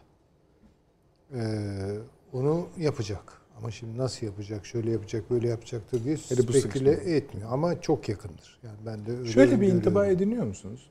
Mesela Türkiye yani bölgedeki birçok kriz alanında varlığını sürdürüyor ama onlar hep böyle orada duruyorlar. Mesela Libya o duruyor. İdlib duruyor. Kuzey Irak duruyor. Belki Ermenistan, Ermenistan Azerbaycan duruyor. biraz böyle bir biz- intibanız var mı? biraz bizde de donmuş çatışmalar oluyor yani. Evet evet dolmuş Ya. çatışmalar var. Ee, Bu kö- illa kötü bir şey değil. yoracağız? Yok, Her yok, birini öyle. ayrı ayrı tartışmak lazım. Yani Libya'da niye böyle bir donmuşluk hali var veya işte Ege meselesi konuşuldu. Bir donmuşluk oldu. Değil mi? Bir süre Bir hareketlenir dondu. gibi Bir oldu. hareketlendi yeniden ama Şimdi gene biraz. gene dondu. Yani Şimdi tabii belki hepsini total olarak Sabah e, Yunanistan eski Deniz Kuvvetleri Komutanı'nın Türk e, Doğu Akdeniz'de Türkiye'nin denizde yaptığı hareketlere ilişkin bir analiz yayınlandı. Belki görme şansınız. Yapsınlar. Onlar Analizi öyle yapar. boldur yani. Ama bizi yani çok doğrusunu yapıyor Türkiye. Bu başımıza iş açacak. Şimdiden vaziyet almak lazım. Yani hani mesela Oruç Reis 6 mil sınırına yakınlaşmıyor diye sakın yatmayın diyor. Yani Ne bunlar sonra mahke- masada Peki önümüze gelir diyor. ne yapacaklar yani? İşte masa Hiçbir şeye şey uyarıyor yapamaz. işte hükümetine. Hiçbir şey yapamazlar. Avrupa Birliği değil mi? Evet. Esti yağdı gürledi. Ne oldu? İki damla bir şey düştü. O bile değil hocam. O bile değil. Yani ne yapacaksın yani? Ne yapacaklar? Türkiye'yi yaptırımlarla tehdit etmek. Allah Allah. Artık bunlar boş şeyler. Yani e, her şey sahada yaşanacak şeylere bağlı hakikaten. O konudaki öngörülerin sağlamlığına bağlı. Biraz galiba 3 Kasım sonrası herkes tarafından Amerikan bekleniyor. seçimleri neymiş? Ama öyle öyle. Ama Yalnız mesela canım, bu aynı zamanda şöyle Türkiye'nin de mesela atacağı ya seçimlere kadar halledeceği bir takım şeyler var. Tabii, o da- Rusya'nın da var belki. Yani o bir, bir taraftan da elini çabuk Bazı tut. defterler temize Ha, çekiliyor. bazı yani. yani bazı şeyler için elini çabuk tut. Bazı şeyler ise soğut, beklet dur bakalım. Böyle bir Şöyle bir şey de var herhalde değil mi hocam? Yani Türkiye'nin şu anda şansı bu Rusya Rusya için de söylemek mümkün bunu. Mesela ben Tayyip Erdoğan'ın sezgilerindeki ve birikimi, tecrübesi bölgede onun Türkiye'nin bir avantajı olduğunu düşünüyorum. Yani bazen dezavantajıdır. Frene basma ya bir ayağı frende gidebilirsin. Yani daha ihtiyatlı, daha şeyi olan bir lider olsun. Aynı şey Rusya için de geçerli. Yani tecrübe bazen çok büyük avantaj. Şimdi bir de bizim için şöyle Avrupa bir şey. Birliği'nin ne yap işte Merkel'in ne yapabileceğini gördük yani işte. Evet. En sonunda geldi bu kadar tepiştiği Tayyip Erdoğan'la uzlaştı. Evet. Yani bir de tabii insan şöyle bakıyor biraz iç siyasetle ilgili bir boyut olduğu için hani mesela ya işte Erdoğan olmasın da işte filanca olsun bak çünkü o bu konuda yeni bir şeyler söylüyor. Yani diyor ki şu yanlış bak biz olsaydık bunu böyle yapardık. Bu bu da yanlış. Bunu da böyle yapardık hani. Göz dolduran var mı öyle bir şey? Yok. Ya bir dünya algısı okuması yok. Yani Türkiye'de hakikaten muhalefette böyle bir dünya algısı görmüyorum ben. Ya en fazla söyledikleri şey e, kapımızı kapatalım evimizde oturalım ya böyle bir böyle bir şey söyle söyleyebilir misiniz? Hangi dünyada yaşıyoruz? E, Ya da böyle özensiz bir şekilde bütün herkesle barışı imzalayacağız ve rahata ereceğiz falan gibi boş boş laflar. Sanki herkes de bekliyordu. Yani hakikaten yani tutalım ki Erdoğan yanlış hamleler yapıyor. Tamam doğrusu ne diye soruyorsunuz. Bir şey söylemiyorlar. Yani bir de hakikaten çok tecrübe dışılar. Yani bu aynı şey Rusya için geçerli ama. yani. Rusya'da da Putin'in e, kavrulmuşluğu değil mi? Pişmişliğini karşılayacak şimdi Tabii, hangi yok. lider çıkacak falan. Yani böyle bir şey yok. Dolayısıyla hani e, biraz böyle hakikaten iç siyaset artık piyes kıvamında filan izlediğim bir Hatta şey sıkıcı haline haline geliyor. Yani gelmeye sıkıcı başladı. yani bu kim yapıyorsa yapıyor iç siyaseti ama çok hakikaten piyes gibi ilkokul piyesi oynar gibi. O zaman yani, siz Amerika'ya doğru çekilin. e, Evet yani onlara bakmak lazım. Yani Orası biraz daha heyecanlı onlara duruyor. bakmak lazım. Buyurunuz. Yani bir de yani e, Türkiye'de hakikaten bir devlet aklı tezahür etti. Yani şimdi bu NATO'nun kuklası e, olmaktan Türkiye'nin çıkmasıdır. Bu yırta yırta geliyor. Yani ve tecrübelerle geliyor. Ee, işte e, tamamen Amerikan standartlarına görülmüş gö- göre yapılanmış bir devlet birden kendi Özgün. özgün siyaset e, kodlarına filan geri dönüyor. E, yani bakarsanız mesela Sayın Erdoğan'ın da kariyerindeki o inişler çıkışlar olarak gösterilen şeyler aynı şeye delalet ediyor. Yani o da Te- tecrübe dediğiniz tecrübe o zaten. dediğimiz şey yani böyle tabii. E, bu noktaya geliyor. Artık bunu bu süreci çok kişilerle de ben tartmıyorum. Yani burada bir akıl işliyor. İşte bu biraz daha Türkiye'yi önceleyen bir akıl. Gittikçe de daha fazla önceliyor. e, dünya arenasında e, bunun gereklerini kim yerine getirecekse bundan sonra o gelsin o yönetsin ülkeyi yani bu o kadar da önemli değil. E, sualinize dönecek olursam Su- Sualim Birleşik Evet. Devletleri'nin yeni başkanı hakkındaki görüşler. Yani şimdi hakikaten tek tek sorunlar üzerinden bu Bloomberg'in haberi falan ben olsam o yazıyı yazanı işten kovarım yani. Bu kadar özensiz bir yazı yazılmaz. Yani Yani bunu alıp bir de baş tacı yapan yerlere bakıyorsunuz. o baş tacı yapmıyor. Bir şey söylüyor da işte. Ee, yani işte neyse ön plana getiriyor. Niyetlerini okuyamam bilemem. Bakmak lazım. Fakat şunu söyleyebilirim. Ee, Amerikan seçimlerini kendi içinde bir konuşmamız gerekiyor. Bundan çıkarılacak dersler var. Ben bu konuda e, işte elimden geldiği kadar bir yazı yazdım. Şu ara Amerika hukuk dersinden de çakıyor, demokrasiden de çakıyor. Yani hem de öyle böyle değil yani sürünerek falan.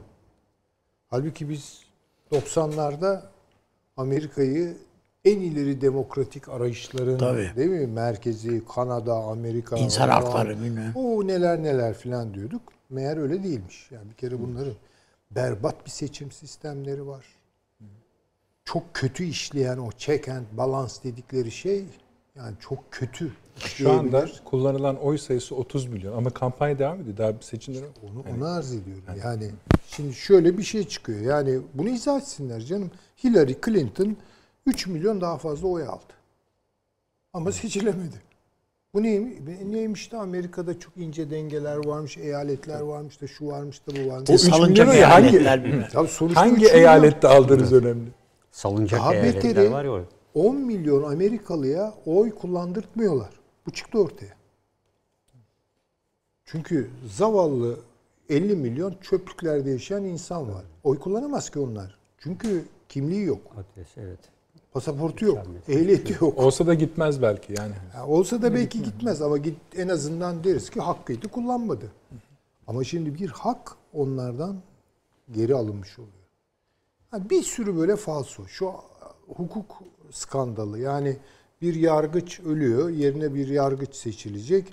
O yargıç ama muhafazakar demek ki Trump'ı e, iş eğer mahkemeye intikal ederse koruyacak ve kollayacak. Ama bunu yapacak biri bu kadın. Ölen e, yargıç da demiş ki inşallah seçimden sonraya kadar yaşarım Ama demiş ya. yeni yargıç Trump'ın ise- Atamaması. Ya, Ye- e, yeni yargıç da şunu söylüyor. İnançlarım hukukun üstündedir. Buyurun. Buyurun. Ya Bu ne- nereye bu nasıl bir Amerika yani? Hakikaten çok hak, çok düşündürücü. Her neyse ya şöyle veya böyle zaten galiba bütün bunlar bir oyun, bir mizansen. Amerika'nın derin karar alıcıları var. Böyle Trump'a, Biden'a, Biden'a kalmıyor bu işler. Yani zaman zaman haddini bilmeden atak yapan başkanların başına da olmadık kişiler geliyor. Yani Andrew Jackson'ın da geliyor. Kennedy'nin de. Kennedy'nin de geliyor. Yani böyle nahoş bir şey var. Ee, Amerika kuruluş temelleri üzerinden, kuruluş felsefesi üzerinden eee, mi devam edecek?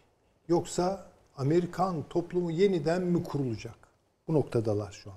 Yani Bence ikincisi Kuruluş. olmak zorunda kalacak. Çünkü gelecek. birincisi zaten çökmüş durumda. işte yani çökmüş de bugüne hani kadar kime iyi satacaksınız o yani. değerleri? Tabii iyi götürdüler. Şimdi anlıyoruz. Ya bir tane de Katolik başkanınız ya beş tane de Katolik başkanınız olsun. Ama işte bir 8-10 tane de siyah başkanınız olsun. Hayır Obama ama Obama beyaz siyah. Ya öyle çok siyah değil yani. Bugün bunu daha iyi anlıyoruz. Bugün daha iyi Yani anlıyoruz. Bu kampanyadaki rolüyle de daha çok Tabii anlıyoruz. ya o siyah görünümlü bir beyaz. Demek istediğim hakikaten Amerika'da bir kere çok e, bulandı ortalık ama bence Amerika kendi çıkarları doğrultusunda öncelediği her neyse o çıkarın takipçisinin diğer çıkar sahipleriyle olan rekabetine dayalı olarak neyse o, o, o başkan seçilecek. Eskiden bunlar kendi aralarında oturur anlaşırlardı. Anlaş, bu belli. Şimdi öyle bir şey yok. Biraz kendi aralarında da problemli hale geldiler.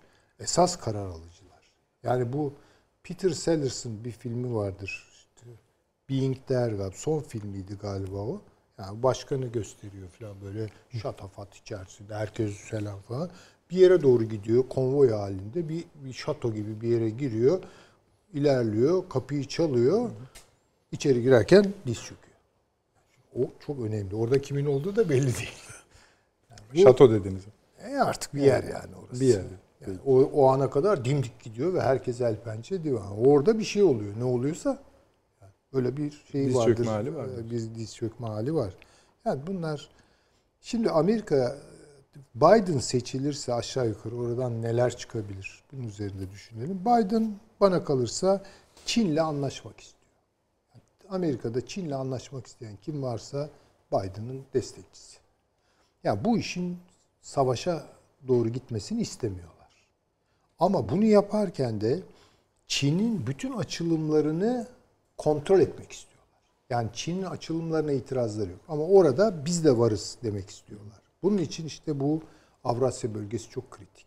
Asya çok bunun kavgası devam eder. İşte Biden'ın pro- politik projeksiyonları Orta Asya ve Orta Doğu'daki e, Çin'de hani biraz daha sizin dediğiniz gibi olmakla birlikte o kadar uygun değil bu alanlara artık. Bu alanlar da çok sert. Çok ha işte ama alanlar da ona sert davranır. Alanlar Yani da ona sert davranır. davranabilir. Ve bazı ağırlık noktası değişimleri çıkar. Yani bir kere şunu rahatlıkla söyleyebiliriz. Eğer Biden gelirse Suudiler ve Birleşik Arap Emirlikleri'nin haline vay.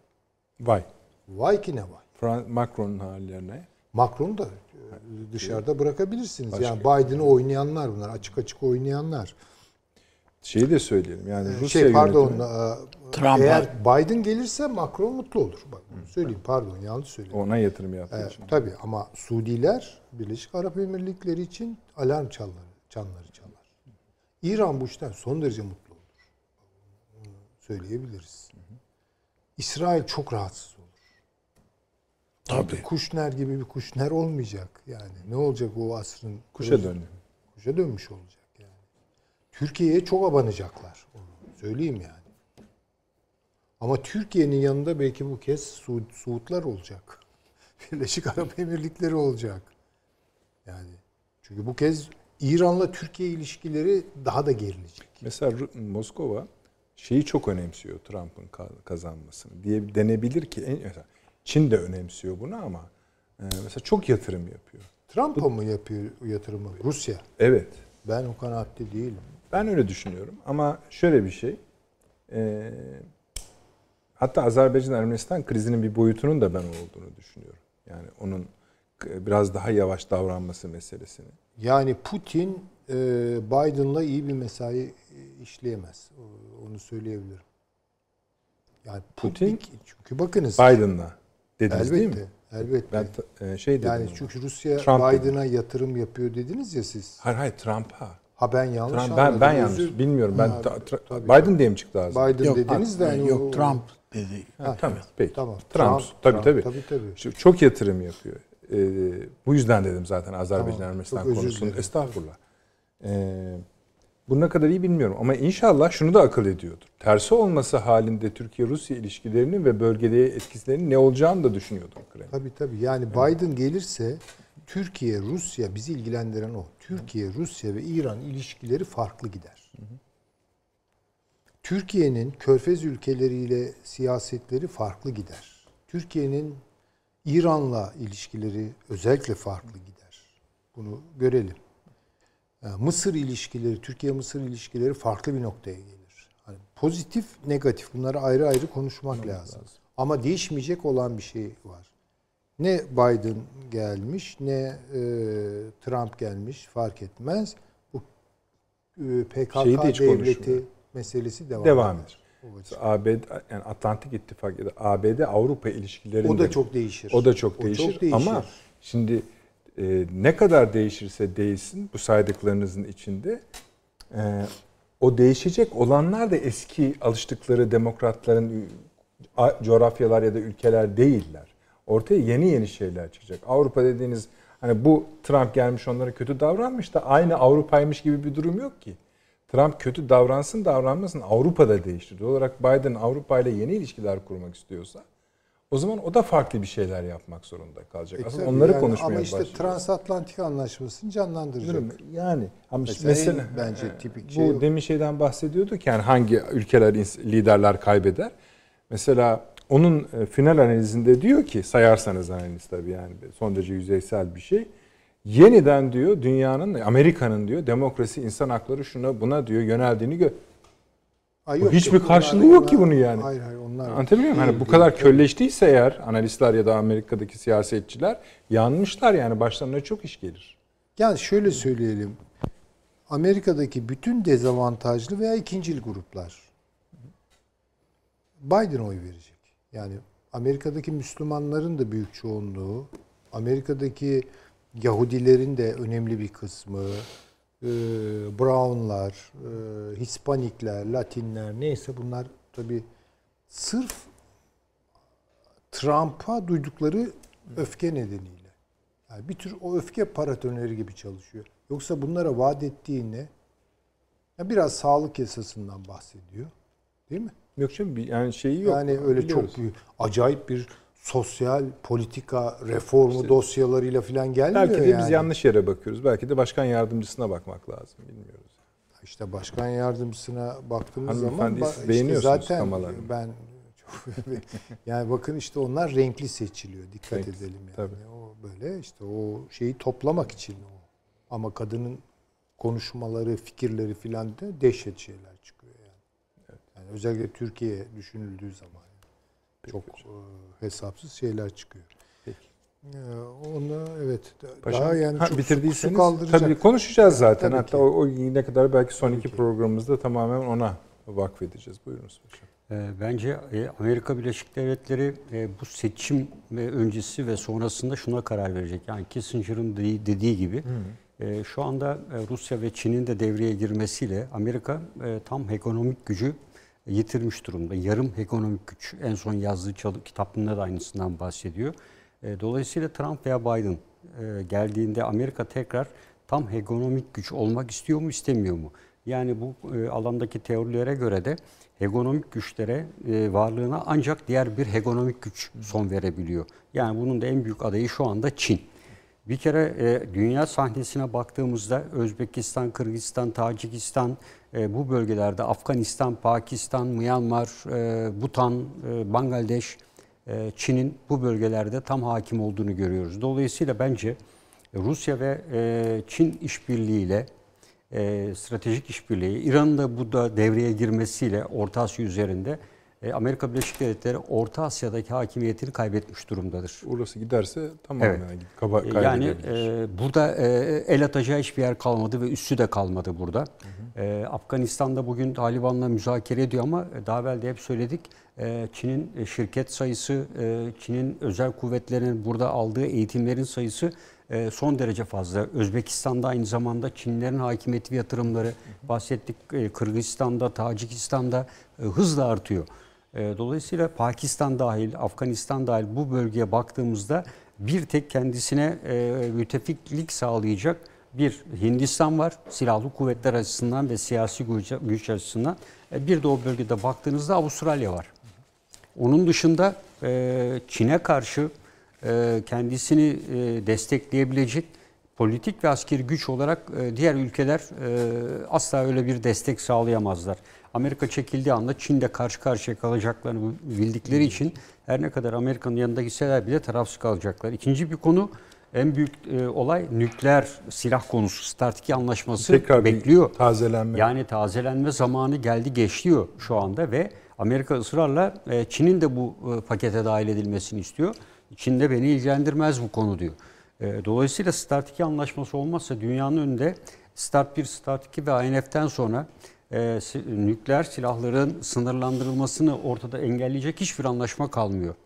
E, bu e, Amerika'nın e, 2017 yılındaki ulusal stratejisi de uyumlu. Yani nükleer silah kullanmaktan az daha çekinmeyeceksin diyor orada da Trump bunu açıklarken. E, dolayısıyla Start 2 konusunda Çin'i devreye sokmayacak. Çin, Xi Jinping asla biz bu tartışmanın içinde yer almayacağız dedi. Yani Rusya ile bu anlaşmayı bozmasının Evet. sebebi olarak Çin'i de katmak olarak gördüğünü biliyor. Evet. Bunu yapmak Ee, istiyor. bir kere e, biraz evvel de söyledik. Yani hipersonik füzeler konusunda son derece geri kaldı Amerika Birleşik Devletleri.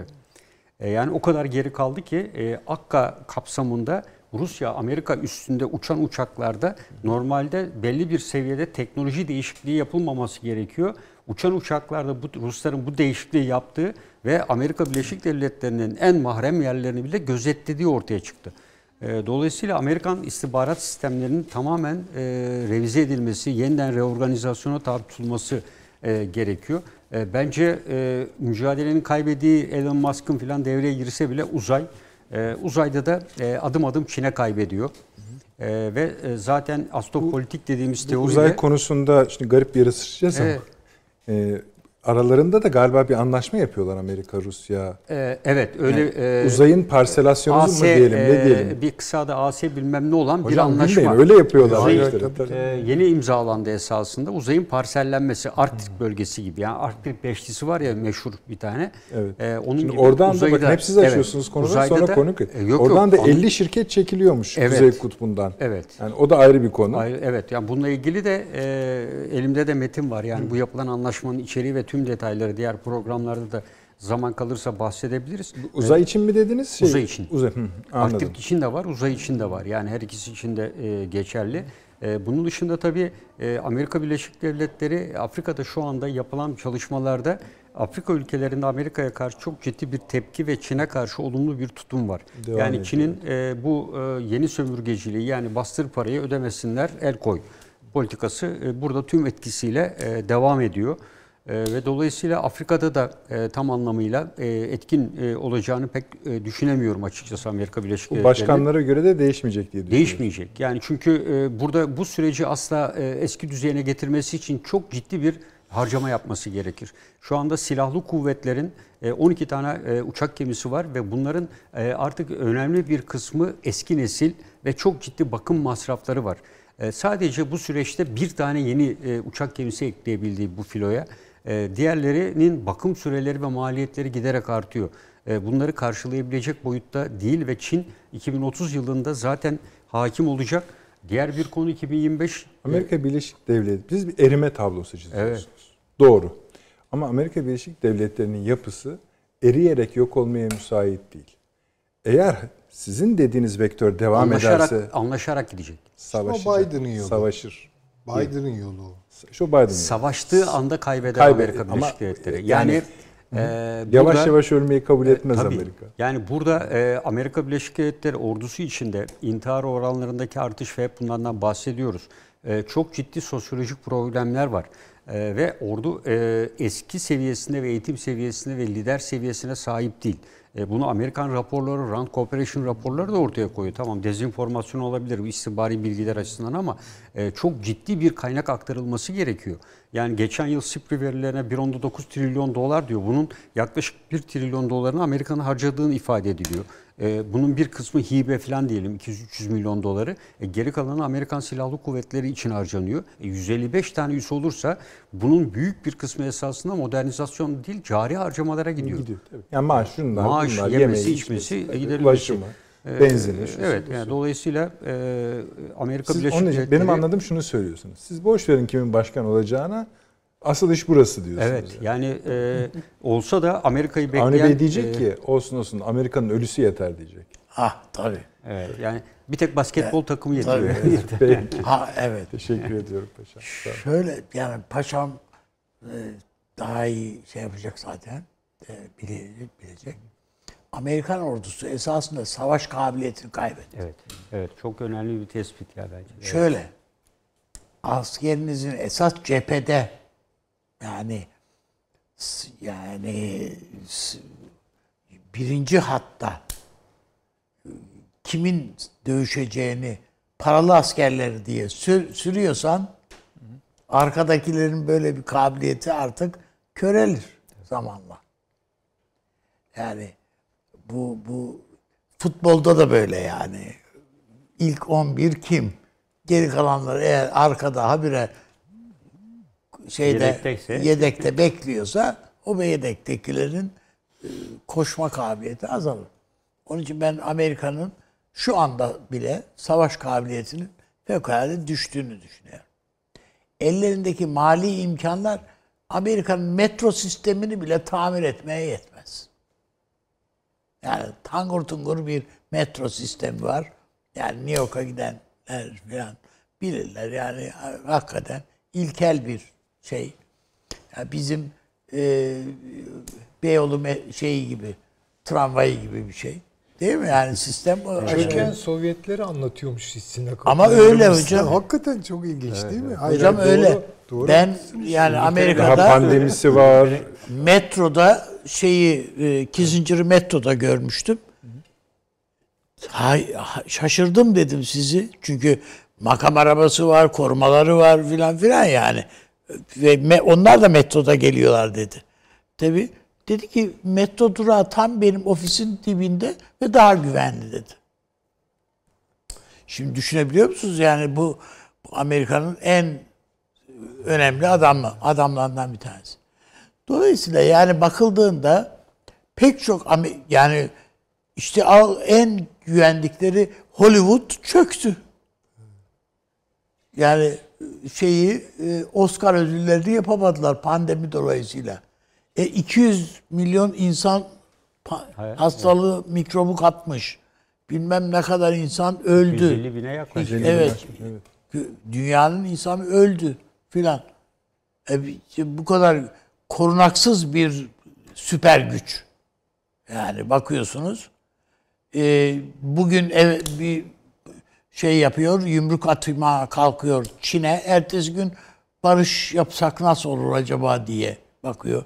Keza Kuzey Kore şey e, evet Kuzey Kore için ziyaret keza böyle. yani, evet. Jinping ona gidiyor filan. gönderdi. Evet gibi böyle filan. Yani baktığınız vakit işte adamın basmaya bu e, şey bir, bir telefon sisteminden bile ürktüğü anlaşılıyor. Dünyanın her tarafında kavgasını veriyor aman ha bunu kullanmayın diye. Şu markayı kullanmayın bunu kullanın diye. Türkiye'ye geliyor sakın ha filan diye böyle. Herkese yaptırımlar koyuyor. Evet. Nasıl Gibi. işliyor, nasıl işlemiyor. Bil- Ama sistemin bütün dünyada önümüzdeki seneden itibaren e, devreye gireceği ve Çin teknolojisi olarak devreye gireceğini herkes biliyor bir taraftan da. Ve Amerika'da bu sistem yok. 2025'te Maliye Evet. evet. dediği yapay zekada dünyanın Evet. birincisi olacağız diyordu. Şimdi ve Çin Çinli öğrencileri Amerikan üniversiteleri kabul etmiyorlar ya. Korkudan yani bu ne olabilir ki başka? Yani bu, bu tabloya baktığımız vakit ben bir nokta yani bu Amerika'nın zaaf tablosu bu. Ekonomiden de ekonomide de aynı şeyleri söylemek mümkündür. Ee, yani bir buçuk tri- e, katrilyon şey var. Adam borcu var sırtında. Evet toplam. Yani Amerikan milli geliri falan bunu karşılamaya yetmez yani. Müthiş bir borç yükü var.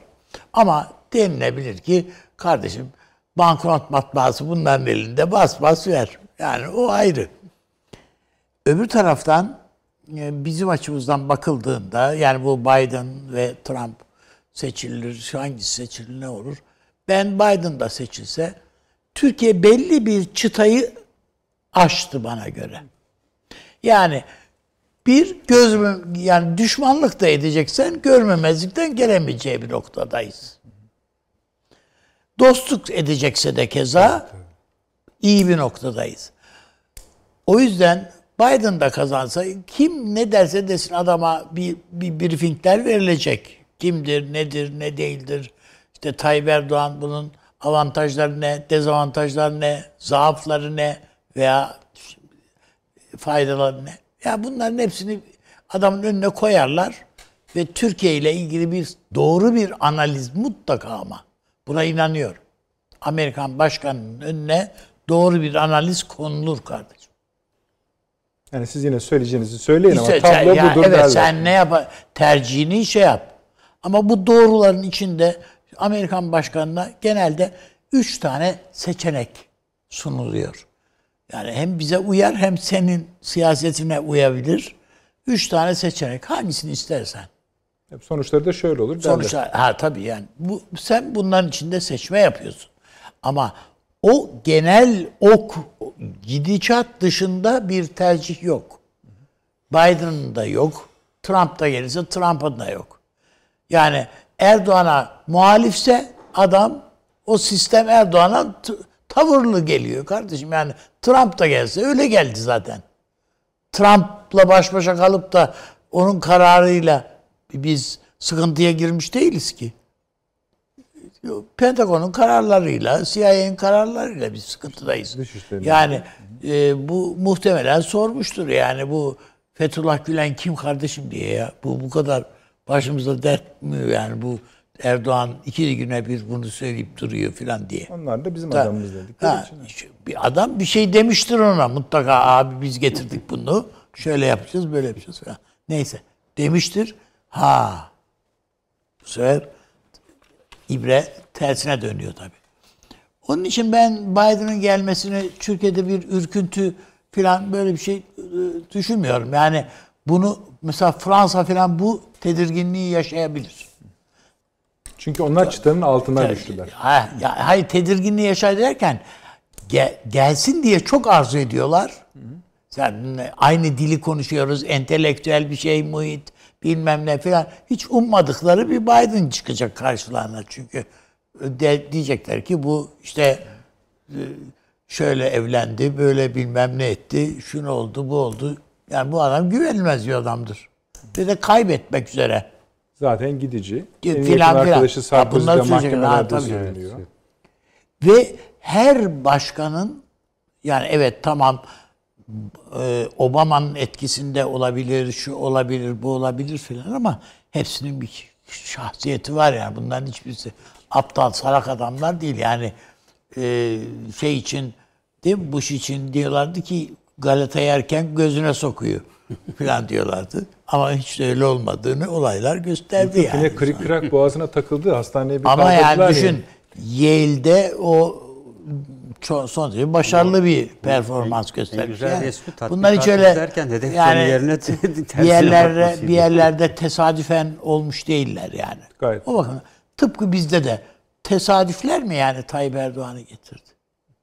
Veya diğerlerini de baktığında tesadüfler getirmiş. Yani bazı tesadüflerin payı var elbette ama onun dışında bir kişisel becerileri var mutlaka. Peki. Çok teşekkür ediyorum paşam. Teşekkür Sağ olunuz. ederiz. Sayın hocam eksik olmayınız. Amerika'yı zaten çok konuşacağız daha. Evet tabii. Anne abi çok teşekkür ediyorum. Sağ olun. Efendim sizlere çok teşekkür ediyoruz. Yine bakacağız elbette katkılarınıza, desteklerinize, ikazlarınıza. Tekrarlayalım. Gece saat 02'de kaçırdıysanız ya da uykunuz kaçtıysa öyle söyleyelim. Tekrar izleyebilirsiniz. Yarın da YouTube'da zaten e, tamamı size ulaşmış olacak. Perşembe akşamı efendim saat 21'de inşallah yine birlikte olacağız. İyi geceler diliyorum.